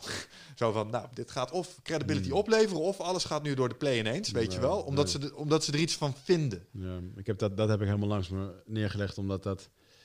Ja, ik kan niks anders vertellen dan dat verhaal. Dus als je er niks mee kan, dan is dat prima. Dan is het gewoon niet voor jou. Weet je Sure. I get it. En dat is ook de houding die je zou moeten nemen. Maar toch weet je...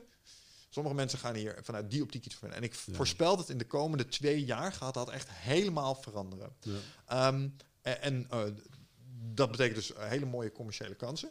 Um, maar ook om um, met het boek wat je daar nu hebt in een iets aangepaste vorm, dus echt mensen ook te gaan helpen met mentale gezondheid. Het, het, kijk, het doet iets tegen burn-out, het doet iets tegen Ja. uh, het is dit alles gevoel, overwhelm, uh, blurring, languishing, al die shit, daar kan je er iets mee.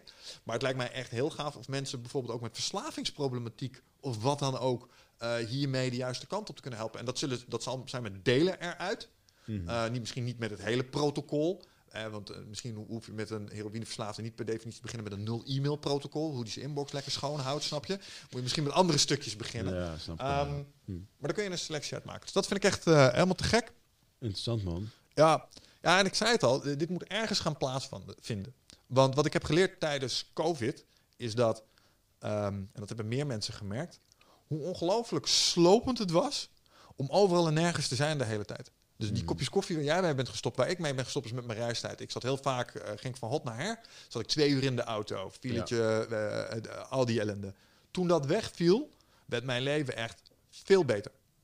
Ik had meer energie, ik had meer tijd over, ik kon ineens dingen meer plek en ruimte geven, zoals bijvoorbeeld trainen. Mm. Veel meer trainen. Als, als we hadden op KST hadden voorbereid in tijdens COVID, had dat misschien een ander resultaat gehad, omdat ik er gewoon veel meer tijd. gelukt. Nou, dat wil ik niet zeggen. Hardlopen zal altijd een dingetje blijven. Kunnen we het nog wel over hebben straks. Maar um, ging veel minder energie naartoe. Mm. Dus ik had zoiets van, en dat stond op mijn allereerste roadmap ook. ehm, ik ga in ieder geval niet met zoveel locatieles geven. Misschien het liefst zoveel mogelijk virtueel. Maar als er dan live les wordt gegeven, kom dan naar mij. En daar was ik al mee begonnen door in Deventer bij Hotel Gaia. Deed ik mijn practitioners, kom maar naar mij. En daar leerde ik. Er komen mensen uit België helemaal naar Deventer, Diepeveen, om les te krijgen van mij. Dus Ja. daar leerde ik, Ja. maakt niet uit waar ik ga zitten, ze komen toch wel. Ehm, want inmiddels heeft het genoeg waarde gehad en track record. Dat soort dingen. Ja. Nou, ehm, in de COVID-periode ben ik er ook achter, en heb ik het hier ook wel eens over gehad, over hoe belangrijk het was om in de natuur te zitten. Er zat, zat ook best wel veel in Borkelo, daar zat Jeanette, en eh, daar, daar, daar ligt een soort braadliggend internaatlandschap midden in de bossen, en eh, daar, ja, daar gebeurde helemaal niks mee. Ehm, en dat stond te koop. Dus op een gegeven moment is het idee gevat om dat is, eh, met name door Jeanette, om daar misschien eh, om dat te gaan kopen met een investeerder. En daar iets neer te laten strijken. Een soort eh, holistisch genezingscentrum voor regeneratie met dat bos en allerlei andere interventies als instrument. Want in de bossen zijn is echt. Luister, man, als ik stress heb van het internet, ga ik, ga ik in het bos staan. En daar staan bomen, en die staan er over 100 jaar nog. En dat zuigt stress uit mij. Mm, mooi. Snap je? Ja. Eh, da- dan denk ik, dat relativeert alles. En dan ga je bij zo'n boom zitten en denk je, waar zou zo'n boom zich druk om maken? nou, niet om dit soort dingen, verklap ik je. Ja. Ehm, en dat, geeft, dat gaf me weer even dat boerentempo terug. Dus dat gejaagde eraf. En nou, er zijn wat hele mooie ontwikkelingen geweest. Lang verhaal kort, dit gaat allemaal niet in eh Borkelo plaatsvinden, hoewel het bijna daar gelukt was. Ehm, maar nu waarschijnlijk in Dronten. En daarom zeg ik, misschien moet jij vanuit Drenthe naar Dronten. Want daar ligt een prachtig landgoed, Roggebot staat er. En eh, er zijn investeerders gevonden en daar gaan een aantal hele vette faciliteiten worden neergezet. ja, heel vet man. Ja, ja om, om wat, eh, eh, het is veel breder. Hè? Er zijn hele grote clubs die daar willen neerstrijken. Zoals bijvoorbeeld een, ik weet niet of ik die namen allemaal noemen, maar een heel groot instituut dat zich bezighoudt met psychedelische interventies. Mm. Er zit in Amsterdam, heeft wachtlijsten. Ja, die zoeken een, een homebase in Nederland die willen daar gaan zitten. Ik vanuit 12 Waves, ik zoek een homebase waar ik wil neerstrijken, waar ik mijn programma's kan runnen, waar ik mijn marine experiences kan doen, mijn vision quest, mijn cannabis circles, al die dingen.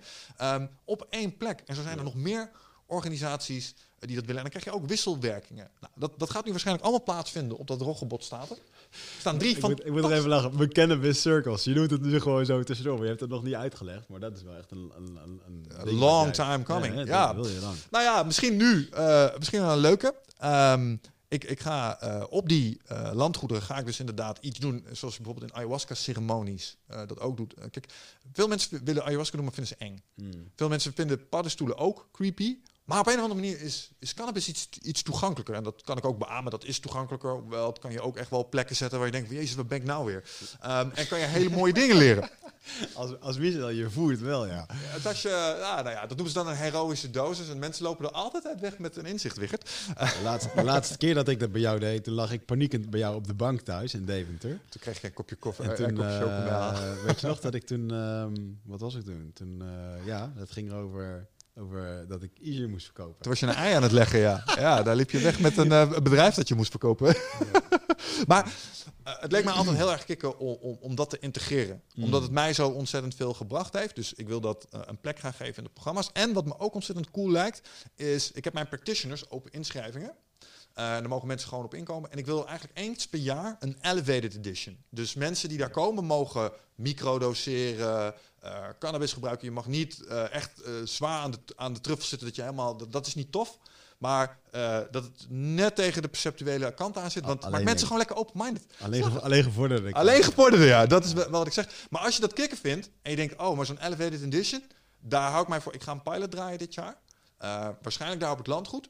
Eh, met overnachting en dat soort dingen. Mag je mij een mailtje sturen.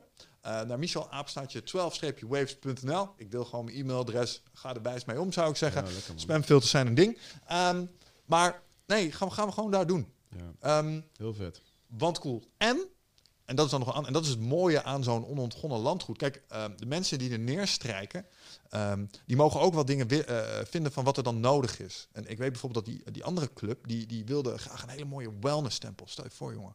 Zo'n landgoed, sauna's, floatcabines. Weet je wel, al, dat, al dat soort eh, eh, echt kikke dingen. eh, dan, dan gewoon je bos in kunnen lopen. Maar misschien ook wel sportfaciliteiten. Snap je? Mijn, mijn natte droom was altijd de Jedi Academy. Weet je wel? Iets Ja, waar je ja, mensen ja. iets leert over daadkracht, fysieke weerbaarheid en een stukje spiritualiteit. Nou ja, dus dan heb je daar ook iets van een, van een gym nodig. Ja. En, en, en, ik heb dit jaar best wel nagedacht, oh, hoe zou zo'n perfecte wereld eruit kunnen zien?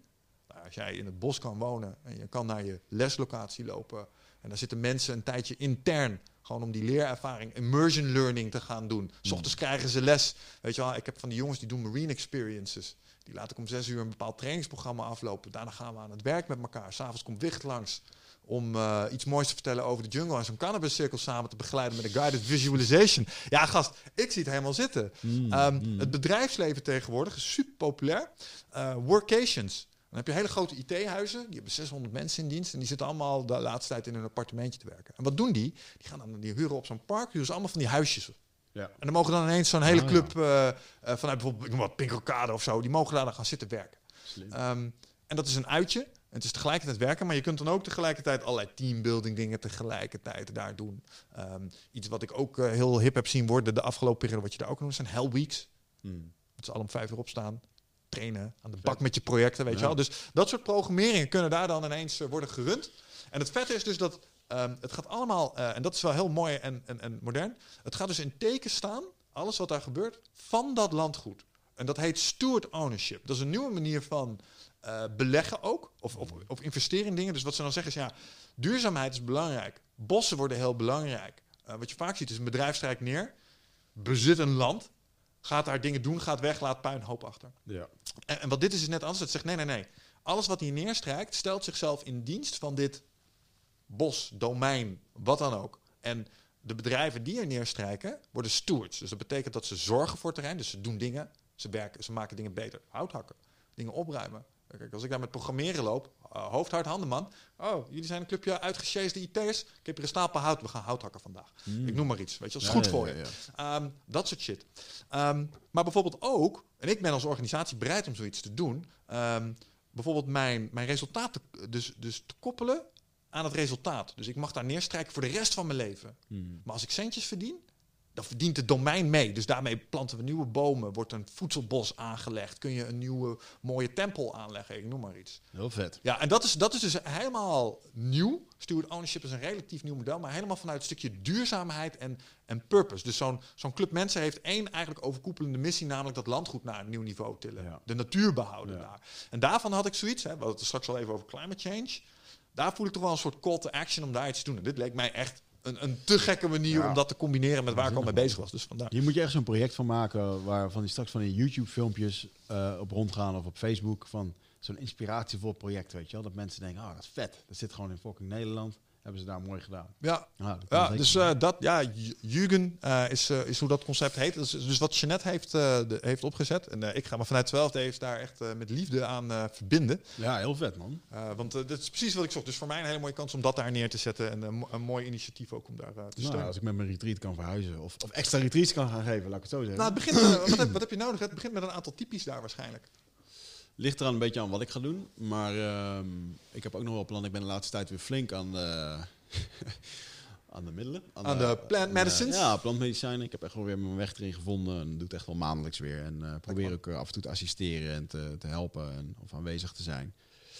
En dat gaat eigenlijk wel goed. En sterker nog, ehm, ik heb wel heel sterk de, de boodschap gehad van, van ayahuasca. Je, je hoeft het niet zelf te gaan organiseren. Uh, maar wat ik wel wil gaan doen, is dat ik uh, straks mijn programma The Journey, uh, dat ik mensen daar ook de psychedelische ervaring wil laten ervaren. En dat ze dus met mij uh, ergens naartoe kunnen gaan. Hmm. Waarbij iemand anders het zal faciliteren, maar ik zal er wel bij zijn en mijn aandeel erin, eh, erin Ja. hebben. Maar ik ga niet dezelfde, ja, ik wil het niet zelf organiseren. Eh, dus als mensen daarop aan willen haken, dan ja, dat gaat wel gebeuren. Ja. Ja, dat leuk. is toch een beetje het pad naar het, het shamanisme. Ik denk het wel. En hoe dik zou het zijn als je dat dan daar Ja, op zo'n terp komt doen? Dan zien we elkaar ook nog. Kom Ja, ik, zeker, Midden in je ceremonie kom ik mensen een beetje lastigvallen. Zo'n lamp aan, Ja, ja, klink. Ben je hier? Oh, hier ben je. Oh, hey, sorry. Dus eh, nee, dat, eh, dat zijn vette dingen, man. En Met eigen zelfgemaakte sausijzenbroodjes kom ik dan je ceremonie dat, inlopen. dat is altijd, ja. Om Ja. zes, om zes uur ben je welkom. Ja, zes uur 's avonds. Lachen. Nee, maar lijkt me, ja, nee, te, te gek. Maar ja, en wat jij ook zei, hè, die transitie naar de journey. Ehm, want ja, je hebt het hier vast al wel verteld aan Ja. mensen, maar wat, wat was de journey precies? The Journey is eigenlijk mijn, eh, mijn boek ehm, op zoek naar antwoorden in de praktijk. Dus in acht weken tijd kom je erachter wie je bent, wat je wilt en hoe dat je dat gaat doen. Eh, maar wel met de, met, de, met de methode dat ehm, hè, we kunnen nu naar zo'n dag toe gaan en allerlei dingen moeten opschrijven, maar dan komt het heel erg vanuit het hoofd. Ja. Ehm, waardoor mensen uiteindelijk dingen gaan najagen wat het uiteindelijk niet was voor ze. Mhm. Daar ben ik zelf ook in ingevallen. Mhm. Eh, heeft een burn-out, heeft een burn-out gekost. Ehm, dus hoe mooi is het om gewoon eh, van voelen naar doelen te gaan. En, en, en echt eventjes die, eh, ja, die tijd te nemen om de hoofdstukken die ik daar heb beschreven, de vragen die erin staan, om die door te gaan werken. En, dus de eerste pilot is nu geweest, daar hebben 15 mannen meegedaan. En man. eh, het kwam echt een, eh, met een 9 plus cijfer eruit. Dus eh, een dikke online omgeving. Alleen ik merkte gewoon wel van ja, ik weet gewoon dat er heel veel mensen ehm, mij dagelijks mailen over waar kan ik dat doen? Hey, hoe kan ik dat doen? En, Mhm. Dus ik, ik zie gewoon heel erg, ik krijg gewoon continu seintjes van het universum van joh, men, wil, men wil wat hiermee. Alleen ik vond het lastig, omdat ik echt wel met ayahuasca ehm, heb overlegd over van hoe wil ik mezelf hierin positioneren. En die heeft heel duidelijk gezegd van joh, eh, je moet het niet zelf organiseren. Want als er elders ooit wat gebeurt, dan sta jij bovenaan in Google met je praatjes. en dingen. Dus ik wil gewoon bekend staan als die avonturier die naar Brazilië gaat. En, en tuurlijk, ik, ik, ga, ik, ga er niet, ik hou me er niet stil over, over wat ik doe. Maar ik hoef, het niet, eh, ik hoef niet de facilitator te zijn. Duidelijk van, man. En ehm, wel grappig wat je net zei, dat die markt die staat inderdaad op booming. Een ander ding, wat ehm, ik heb een psychedelische sessie gedaan toen ik mijn boek uithaal als een soort van, ik ga het nu vieren en eventjes presenteren. Ja. En eh, ayahuasca zei toen echt heel droog, gewoon na een kwartier van, nou ja, ja nou, mooi dat je je boek hebt gedaan, nu moet je het in het Engels gaan schrijven. dus, dat was letterlijk gewoon zo simpel. Dus ehm, de, de route die ik van haar heb gekregen is het boek eh, schrijven, dat is gebeurd. Toen kwam het audioboek, dat heb ik ook opgenomen ondertussen. En eh, toen kwam de, eh, het maken van de journey. Dat heb ik toen die avond daar eh, tot me gekregen. En met veel plezier aan gewerkt. In die journey zitten ook tribe elders. Dus er komen de wijze mensen die ik masterclasses laat geven. Dus dat, dat wil ik eigenlijk, daar wil ik gewoon een database van maken. Die moet gewoon heel breed worden. Hè. En waar mensen zoals jij of een, een Els van Stijn of een Michael Pelagic. Die alleen als ik Shroom Master mag zijn. Showroom Master. Ja, daar kan je wel iets over vertellen. Ja. Dat zou grappig zijn. En, ehm, maar gewoon eigenlijk over alle facetten van het leven. En, eh, maar ja, de voorwaarde is dat je gewoon een, eh, een deep dive in jezelf maakt. Dus ook als je meedoet aan het programma, dan krijg je dezelfde opdrachten die ik kreeg tijdens het dieet. Hmm. Dus je mag bijvoorbeeld de eerste twee weken geen suiker, geen zout. En, en, en verbazend over hoe goed mensen daarop gaan. Ja, ja, ja, En hoe vervelend dat ze het vinden en zichzelf daarin tegenkomen. En, hè, maar zo probeer ik dat dus. Eigenlijk probeer ik het dieet wat ik in Brazilië heb gedaan, een soort van ehm, in, ja, in Nederland hier Vet, te brengen. Ja, super gaaf. Dus je krijgt ook een medicine box toegestuurd. Je hebt hem nog niet gezien, maar er zit van allerlei in. En op het einde krijg je ook nog van allerlei. Het is best wel een interactief offline programma waar ik mezelf weer veel te veel werk mee geef, maar wel, Sure. wel ontzettend leuk is. En, ehm, eh, maar ehm, de volgende stap is, eh, is in het Engels. En ehm, Ah, ik, je heb, wel. ik heb nu besloten, ik heb laatst mocht ik een, eh, een lezing geven voor een van mijn oude managers. Die, eh, de man die mij eh, had, had aangenomen ook, bij de multinational toen. En die eh, werkt nu bij een eh, creditcardmaatschappij. En daar heb ik toen een, eh, een lezing mogen geven in het Engels. Hmm. En ik, en ik stopte hier de lezing. En ik zat samen met, uh, met Jabbo hier, die zat de regie te doen. En toen dat klaar was, toen zei ik... Motherfuckers, dit is echt de beste lezing die ik in de afgelopen jaren heb gegeven. En was in het Engels. Ik had heel lang geen Engels meer gesproken. Ehm toen zat ik in één keer te denken, ja, als ik nu het boek in het Engels ga laten vertalen, dan moet er natuurlijk ook een eh, publiek zijn. Dus ik, eh, en ayahuasca heeft al heel vaak tegen mij gezegd, ga nou je shit in Engels doen. Ga in het Mm. Engels doen, ga in het Engels doen. Daar heb ik heel lang niet naar geluisterd, maar nu ga ik dat dus wel doen. Oh, nou. Ja. En ik ga volgende maand ga ik mijn eerste webinar in het Engels geven. Dan ga ik eh, Facebook ads op laten doen. Ik ga gewoon mijn verhaal vertellen. Mooi. Maar kun je inschrijven hiervoor als je mee No- nog niet, maar ja, ehm, dan moet je maar even op mijn social media bekijken of op mijn website. En, ehm, eh, of stuur me een berichtje als je het niet kan vinden. Ja.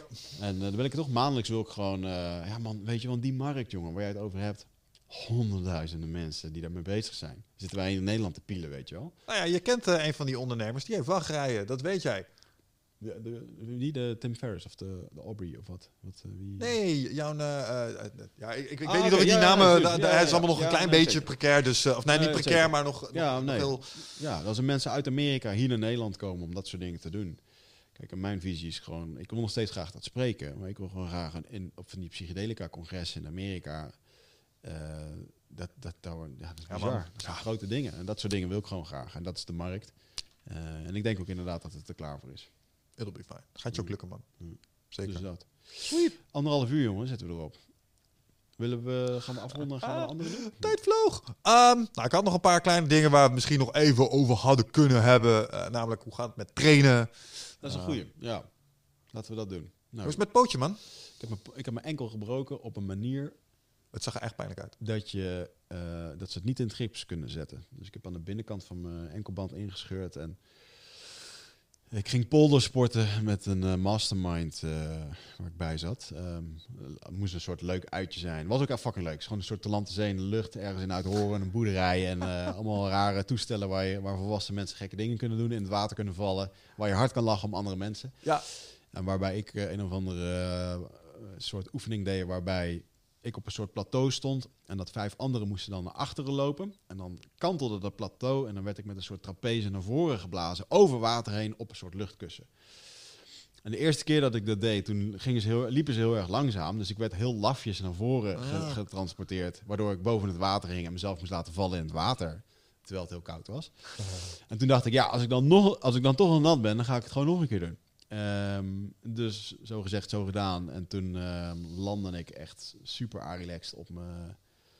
Ik weet niet, ik viel naar achter of ik bleef Ja, ik zag hangen je zo dubbel zo. Dat is niet leuk. En ehm, dat heeft ervoor gezorgd dat ik dus ehm, een ligament heb gebroken. Omdat het enkelbandje is ingescheurd. eh, waardoor dat automatisch een ligament heeft losgetrokken. Dus ik, heel droog bij het ziekenhuis zei ze gewoon... Ja, je hebt het wel gebroken, maar we kunnen het niet in het gips zetten. Dan doen we er niks mee, moet je zelf helen. Op zich fijn, want ik ging daarna drie weken naar Ibiza. Ehm hoef je niet in het gips te zitten. Maar daar heb ik wel echt heel veel last van. Dus ik, ehm, ik- en ik ben eigenlijk ik ben nu gewoon dik geworden. Ik ben vet. Ik heb een, een beetje een buikje. Ik heb eh, mijn broekje zitten strak. En ik, waar? ik weet dat ik de afgelopen tijd niet heb eh, gesport. Oh, ik dacht dat je juist de laatste tijd weer lekker bezig was. eh. Dus daar- ik zie, ik, Nou ik ja, zit hier naar gewichten te Ja, kijken. Nee, zeker. De afgelopen, afgelopen twee, drie weken ben ik wel weer echt wel weer bezig. Maar ik heb echt een... ook in Ibiza heb ik echt slecht gegeten. Ja, oké, maar je hebt een vakantie gehad, gast. De- Even... Ja, maar ik merk ook wel, en ik kan dus ook niet meer hardlopen en zo. En ik ben niet heel consistent geweest met sporten. Maar ik heb mijn eigen kantoorgym gemaakt. Er staat hier een barbel. Yeah, man. Er worden spulletjes bijbesteld iedere keer. En dan hier lekker op het balkon loop ik dan te hengsten op 20 maandagavond. kilo kettlebell zag ik net ergens staan. 24. 24 ja. en, eh, maar vooral die deadlift, jongen. Gewoon voor 1000 euro zo'n zo'n zo'n gekleurde, weet je wel, zo'n Ja, ja. crossmax met allemaal van die gekleurde gewichten. Dat vond ik vet. Dus die heb ik gewoon gekocht. Maar overigens echt een, eh, was lastig te verkrijgen in eh corona-tijd. Ja, dat snap ik. Dus iedereen was bezig om zelf te sporten. Home gyms. Allemaal, allemaal savages nu thuis. Ja, dus ik vind het wel, eh, wel tof. Maar ik heb me ook voorgenomen dat ik me echt wel ga aanmelden bij een CrossFit gym om gewoon lekker te crossfitten. Ja. Ehm, ook om gewoon naar les te gaan en aan het werk gezet te worden in plaats van mezelf te moeten motiveren. En ik ga mijn Braziliaanse YouTube oppakken, maar dan met mijn vrienden in Os. Ja, tof. Ja, dus dat, eh, en dat doe ik dan gewoon voor de lol, omdat ik nu merkte dat ik bij een gym zat waar gewoon heel veel gasten zijn die wedstrijden doen en die graag mijn kop eraf willen trekken. Ja, Wat ik helemaal top vind. Alleen, eh, ik, ja, ik kom er nu ook echt voor het sociale stuk. Ik hoef geen wedstrijden meer te doen. Ik wil gewoon eh met rollen. Ja, Ja, ja, en, ehm, dus dat kan ik doen bij mijn oude maatjes in Os. oh, leuk man. Ja, het is wel een stukje kachelen elke keer, maar ja. Het is, Ja, maar dat is, voor mij is dat een sociale exercitie. Ja, I get it. Ja. I get it. Oh, lekker man. En voor jou man, want je ziet er wel eh, goed uit. Ja, ik ben fit momenteel. Ja. Ja, eh, dat is eh, een van de dingen geweest die mij echt, toen ik het heel spannend vond. Trainen, jongen, elke keer de oplossing. Voor iedereen die zich kut voelt, ik zweer het je, ga gewoon sporten. Er zijn dagen geweest dat ik met tranen in mijn ogen ben gaan trainen. Echt huilend. Huilend aan de bar gehangen. Huilend yoga gedaan. En daarna voelde ik me altijd beter. Ja. Elke keer weer. Het is gewoon paracetamol voor ellende. Ja. Ehm, dus ik heb veel getraind, man. Eh, mijn hardlopen, ja, kijk, KCT was voorbij. Dat was natuurlijk ergens gewoon fucking kut. Mm. Eh, want ik vond het een pracht documentaire. Laten we het daar nog eens even over hebben. Echt Ja, geweldig. ja. Met tranen in mijn ogen naar zitten kijken. Heb je echt meesterlijk gedaan. Kan niet anders zeggen. Eh, en ik zat er ook in en het zag er niet uit. En dat heeft me pijn gedaan. En dat is misschien achteraf beschouwd Mm. het beste wat me had kunnen gebeuren. Want ik ben sindsdien niet gestopt met trainen. Oké. Gewoon doorgegaan. Ehm, Ik ben wel iets anders gaan trainen. Eh, iets meer minimal effective dose. Eh, ik had een, eh, op een gegeven moment een mooi boekje van Jocko. Discipline Equals Freedom. Dus daar staan een aantal trainingsprogramma's in van de beste man. Beginnerprogramma's, intermediate en advanced. Ehm, en die ben ik gewoon simpelweg gaan doen. Vier keer, vier dagen achter elkaar. Dagje rust en dan gewoon weer door. Ehm, en de laatste tijd ben ik er weer iets meer hardlopen aan gaan toevoegen. Want dat zat iets minder in die programma's. Het waren steeds eh 400 meter sprintjes. Eh, burpees als, eh, eh, met de ballen conditioning. En ik begon het lopen te missen. En, en ik heb een fysieke norm voor mijn eigen instructeurs. En die is niet super hoog in die zin. Het is eh, vijf kilometer in onder een half uur kunnen lopen voor mannen en 36 minuten voor vrouwen. Hmm. Ja, die moet je zelf natuurlijk wel ook gewoon kunnen blijven aantikken. Dus ik dacht, nou ja, als ik nu niet weer ga hardlopen, dan wordt dat straks weer een issue. Dus dan ben ik nu gewoon weer lekker op aan het eh, lopen. Maar heel veel zone 3 en zone 2 loopjes. Ah. Eh, ik heb wel mensen ook gevraagd, hey, hoe kan dat nou dat ik daar zo op stagneerde? Ah, je liep iets te veel in zone 5, je conditie was niet goed genoeg. Dus die trainingen die, die waren soms wat te slopend voor. Weet je nog, dat we in zones moesten lopen en zo. Ja, ja, ja. Ja, dus ze hebben mij geleerd, je moet langzamer gaan lopen, zodat je basisconditie beter wordt en dat soort dingen. Hmm. Maar ik heb me vooral, ehm, ja, hele simpele trainingen man. Pull-ups, acht sets, maximaal aantal reps, drie minuutjes ertussen. Push-ups, maximaal aantal reps, drie minuutjes ertussen. Twee minuutjes met de ballen condition en twee minuutjes buikspieren. 40 minuten later ben je klaar. Ja. Nou, dat, is, dat was allemaal wel, eh, was wel goed te doen. Dus eh, ja, ik ben dat gewoon blijven doen. En het kwam eigenlijk... ik had op een gegeven moment... zat ik voor de zoveelste keer maar weer eens in de lockdown films te kijken. Toen kwam de Avengers voorbij. En toen eh, zag ik Captain America lopen. dacht ik, ah, Captain America, die gast heeft een kastje, jongen. Dan dacht ik, ik wil ook zo'n kastje. Zei, hoe doe je dat? Ja, pull-ups, push-ups, de, hele, de hele meuk. Dus dacht, nou, weet je wat? Ik ga iets meer het accent daar weer opleggen nu. In plaats van al die farmers walks die we deden en dat soort dingen. Ja, ja, ja. Want uh, ik, kon, uh, ik had een plateautje, kom maar zes, op goede dag zeven pull-ups. Hmm. En toen ging ik dit doen van Jocko. En dat was net weer even anders. Dat was weer even een progressieve belasting erin. want hij had op een gegeven moment ook van die dingetjes. Dan moet je max aantal reps. Maar dan moet je nog twee keer inspringen. Dus je nog twee keer een neck rap. Hmm. Dus je pakt hem en je laat je nog even, even een paar keer zakken. Gewoon, en nog één keer proberen. Zodat je net even die overbelasting pakt. Ja, ja, ja, um, broken sets. Je eerste set push-ups gaat tot de 30. Tweede set, je komt tot de 20. Nu mag je rust pakken, maar je gaat er nog 10 geven. Dus je moet telkens heel erg ja, ja, ja. wel die progressie erin op. Dus dat waren plateaubrekers. En ik zit nu bijna op de... Laatst had ik de 11 pull-ups, bijna op de 12. Goed man. En ja, dat is voor mij een persoonlijk doel. Ik wil de 12 kunnen en dat wil ik onderhouden totdat ik 80... Ja. Totdat ik het uh, niet meer... Uh... Nou, nou, als je gewoon blijft trainen, dan zal dat nog wel meer worden. Ja, dus uh, ja, en consistentie. En ik merkte dus dat mijn intensiteit kan daardoor lager zijn. Want een, een training waarbij je gewoon lekker met je muziekje even opwarmt. Je doet je pull-up, max reps. Ja. ja. dat is niet super, hoe heet dat? Um, lact lactaat. Nee. Dus die zijn wel op zich wel goed te doen. Mm. En als er eens in zoveel tijd even wat circuitjes ertussen om dat lactaat een beetje te blijven prikkelen. Maar ik ga binnenkort ga ik iets doen. Ik zeg nog geen ja ertegen. Maar ik ga een keer dat hele High Rocks ding. Dat is een soort protocol. Kilometer hardlopen. Oh, ja. Bepaalde oefening. Kilometer hardlopen. Die ga ik gewoon eens een paar keer doen ja. voor mezelf. En daar mijn scores op proberen te verbeteren. Ah, ja, dat zijn leuke dingen, man. Ja, dus uh, nee, gaat, ja, gaat lekker. Ja. Nou, ik ben wel echt uh, verliefd geworden op het uh, KCD-achtige trainen. En het, uh, ik heb echt lol in gehad in dat... Ik vond het wel eenzaam, omdat ik het altijd in mijn eentje deed. Ja. En ik merkte ook wel dat ik het echt wel deed, omdat het moest. Um, dus nu probeer ik dat wat meer in groepsvorm uh, te, te, hercreëren. Maar daar zeiden ze ook, ja, CrossFit heeft gewoon heel veel weg met de manier hoe dat zij daar trainen. Ja. En, uh, ja, goed dat je de vechtsport weer oppakt. Want dat heb ik ook wel echt gemist. Ik wil ook het, uh, een van de doelen die ik mezelf heb gez gezet, is in het jiu-jitsu toch nog eens een keer proberen genoeg uren te klokken om graduaties te gaan doen. Ik heb geleerd, bij Joe Rogan was er volgens mij een keer meneer die is begonnen op zijn vijftigste. En op zijn zestigste... Dan moet, je zwart, dan moet je zwart worden, toch? Uiteindelijk. Ja. Laat ik eerst maar eens mijn blauwe halen en mijn ja. paarse halen. Ik heb vier Q's op dit moment. Ah, ja, dus voordat er gezegd wordt black belt, nou dat is nog wel een route. Maar het lijkt me wel heel kicken om dat weer structureler uh, uh, op te gaan pakken. En hetzelfde geldt met het kickboksen.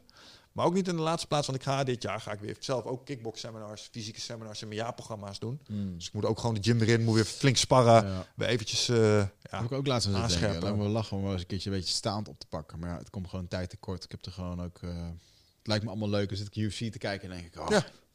Ja, maar je staat kun je bij je training negeren. Want ik, eh, als ik een cardio dag pak, dan doe ik ook schaduwboksen. Jij hebt Ja. genoeg techniek om te kunnen schaduwboksen. Anders Mm. kijk je maar eens een keer een videootje op YouTube over een paar schaduwboksoefeningen. Maar mm, dat zijn soms de pittigste cardio ja. ja, zeker wel, ja. ja.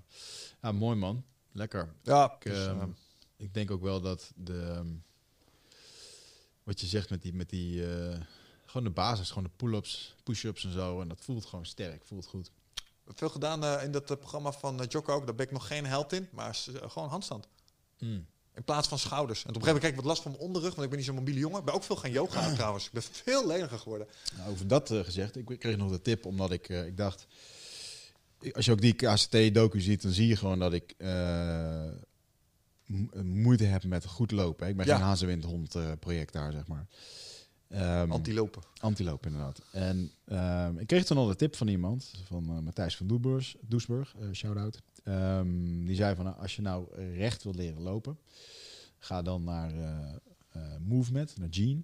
Ehm Gene ben je naam even kwijt, jongen. Maar als je kijkt op Movement, dan... ehm er is een jongen die zit in, eh, in Rotterdam. En zijn belofte is eigenlijk van, ik leer jou je houding, pas ik aan. Top. Ja. En dan echt ge- gekeken naar, hoe liepen we nou in de prehistorie rond? En wat deed je dan? Ja, rennen, vechten en... gooien dingen. Dat, dat is eigenlijk wat je deed.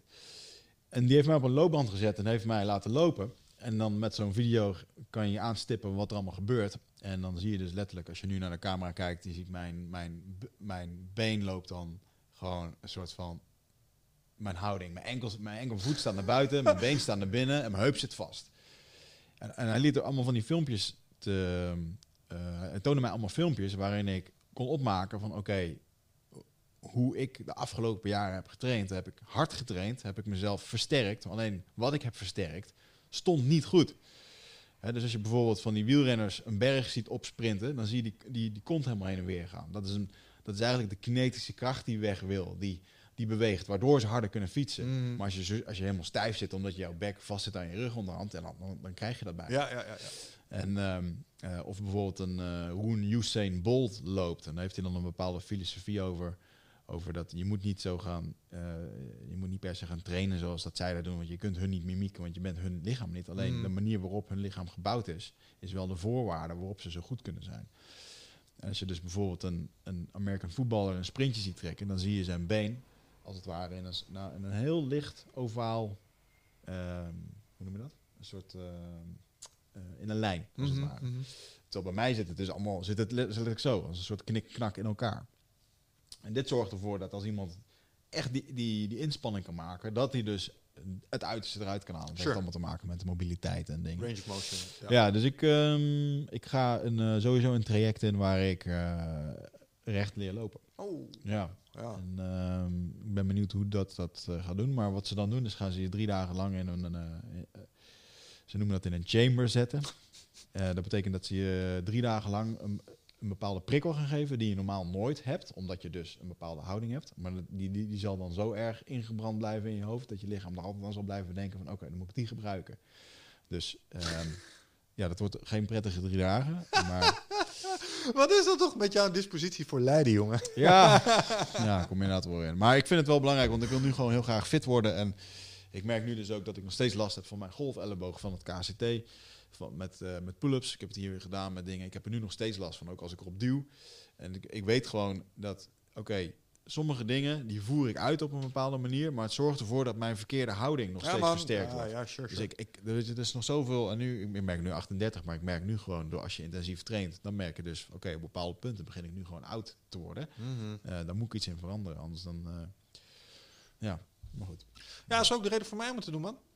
Gewoon, eh, dit is investeren in de, in de oude dag. Ja, Eh, als je gewoon op een bepaalde manier fit wil blijven voelen, moet je er gewoon eh, werk voor verzetten. En, Ja. dat, is, ja, dat ziet er zo uit. ja. Het is niet heel glorieus, maar tegelijkertijd, het valt ook wel mee, man. En, en zeker ten tijde van COVID, toen iedereen toch ineens in, vier uur minder in de auto hoefde te zitten, ja. was er ineens tijd voor. ja, dat, ja de auto En daarvoor was het veel moeilijker om het ook op te brengen. Het was zo makkelijk de laatste tijd, omdat ik... Als je, je, je komt niet vermoeid thuis. Je bent al thuis. Ben je klaar?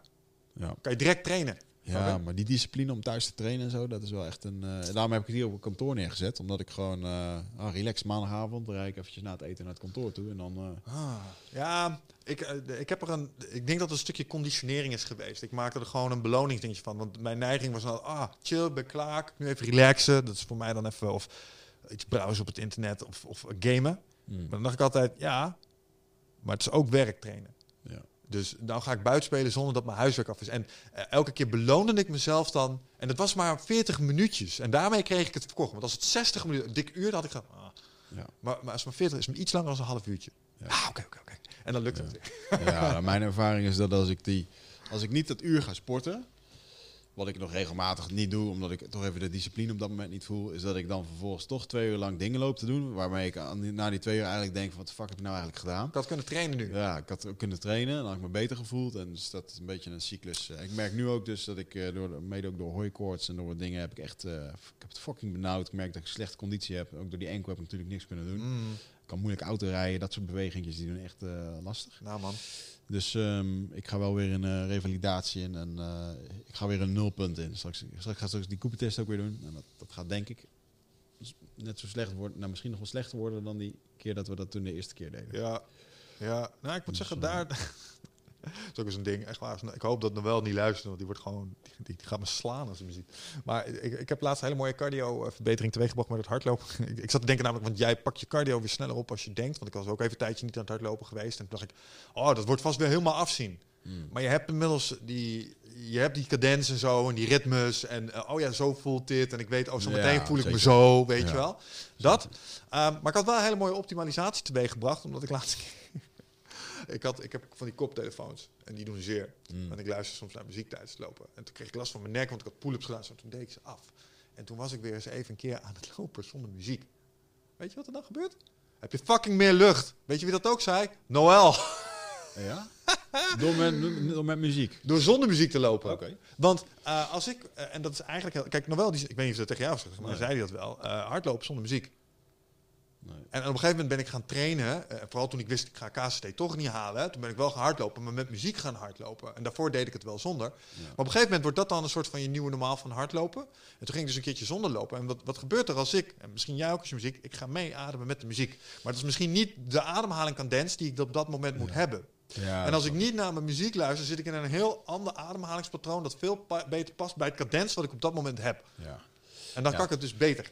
Uh, Elliot Hulse die, ehm, die heeft mij dat altijd verteld. Dat ehm, eh, al dat wat je doet, ook al ben je aan het deadliften, ook al ben je met een maat aan het deadliften, je houdt gewoon je mond. Je houdt je bezig met hetgeen wat je, wat je doet.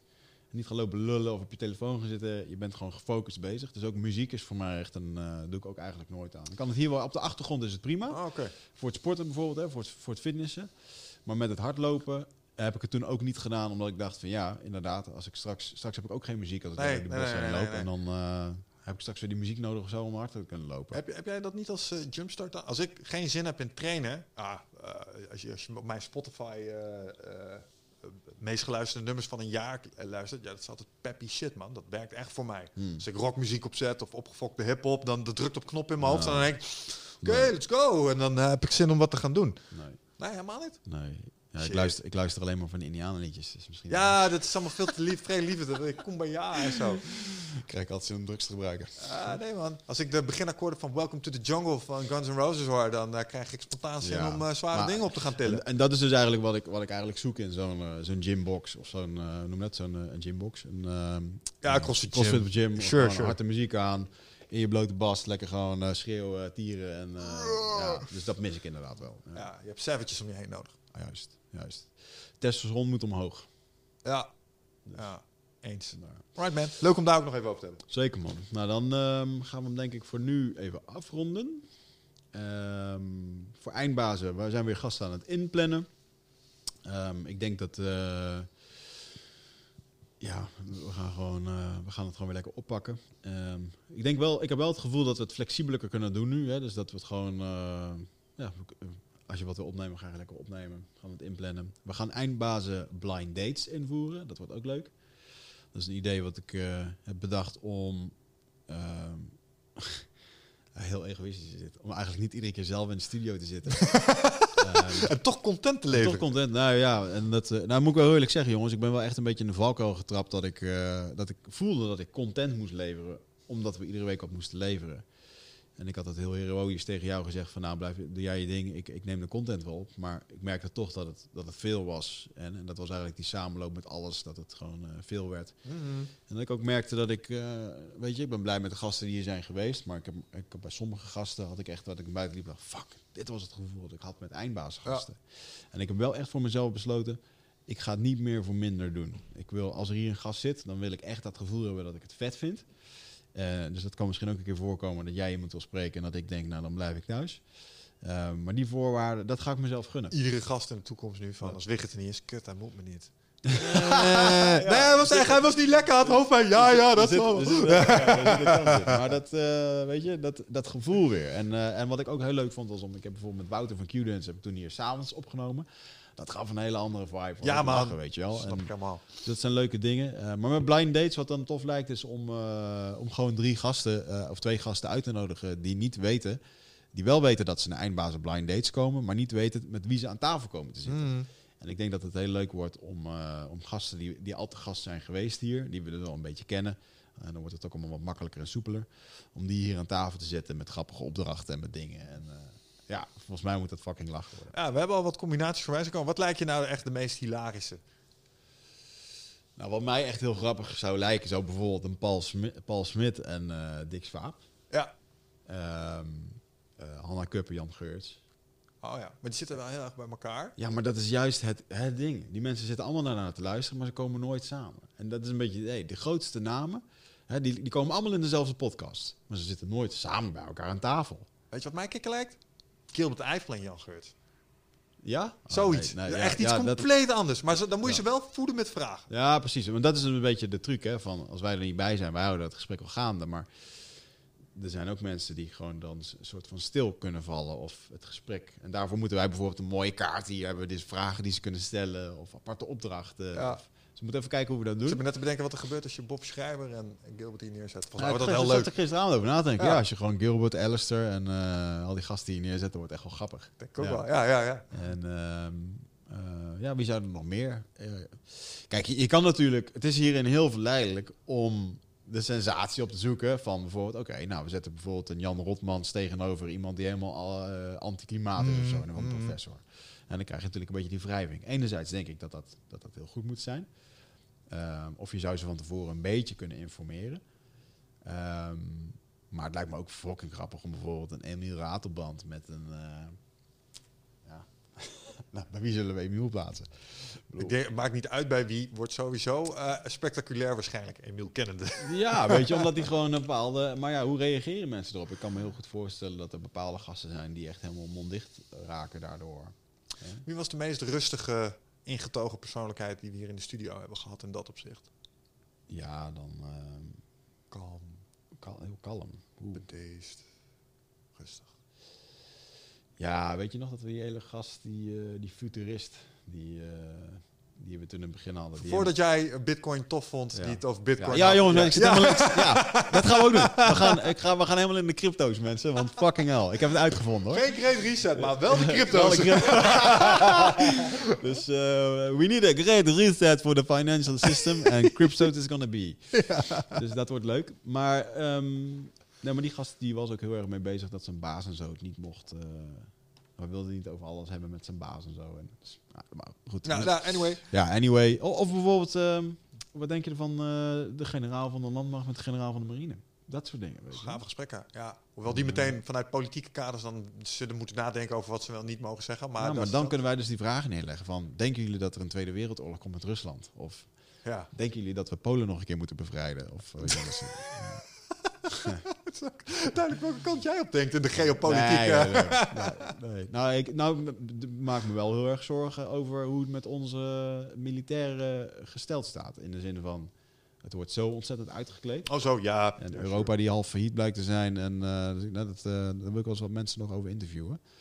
Ehm, ja, dus dat eigenlijk. Ja, oké. En, en hoe, want je zegt, ja, ze hoeven niet per se tegenover elkaar te staan. Ik moet zeggen, ik heb ook wel eens nagedacht over iets. Iets waar we, eh, en dat hoeft niet per se een podcast te zijn.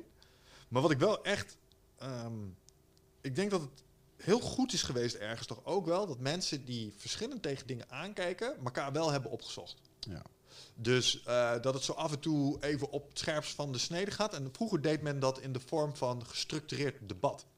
Ik heb bij een debatclub gezeten. Ja. En ik heb wel eens nagedacht over niet, of er niet een format denkbaar zou zijn. Wat ik kicken vond aan de, aan de grote eindbasisshow was dat we ineens eh, eh, ons publiek en ook onze sprekers een klein beetje konden laten ruiken aan hoe dat aan de vechtsport eraan toe ging. En toen dacht ik, als je dat nou nog eens één stap verder neemt. Ja, en je zet ze ook een soort van tegenover elkaar, maar dan in gestructureerd debat. Ja. Tegenover iets van een jury, maar wel met een publiek erbij. En dan, eh, we we hadden het over de Flint in Amersfoort. Daar hadden ze dan een ring, weet je wel. En dan kan je dat een klein beetje, en, en dat ze dan een punt moeten eh, verdedigen. Ja, net zoals dat Trump eh, zo een minuut moet kletsen op televisie. Ja, en maar dan zoals we dat op de, Ne- in de. Nederlandse manier, dan heb je even voor. Dat, dat heeft allemaal regels. Hè. Er Ja. zijn eh, vroeger had je het lagerhuis op tv. Ja, werd er gedebatteerd, weet je wel.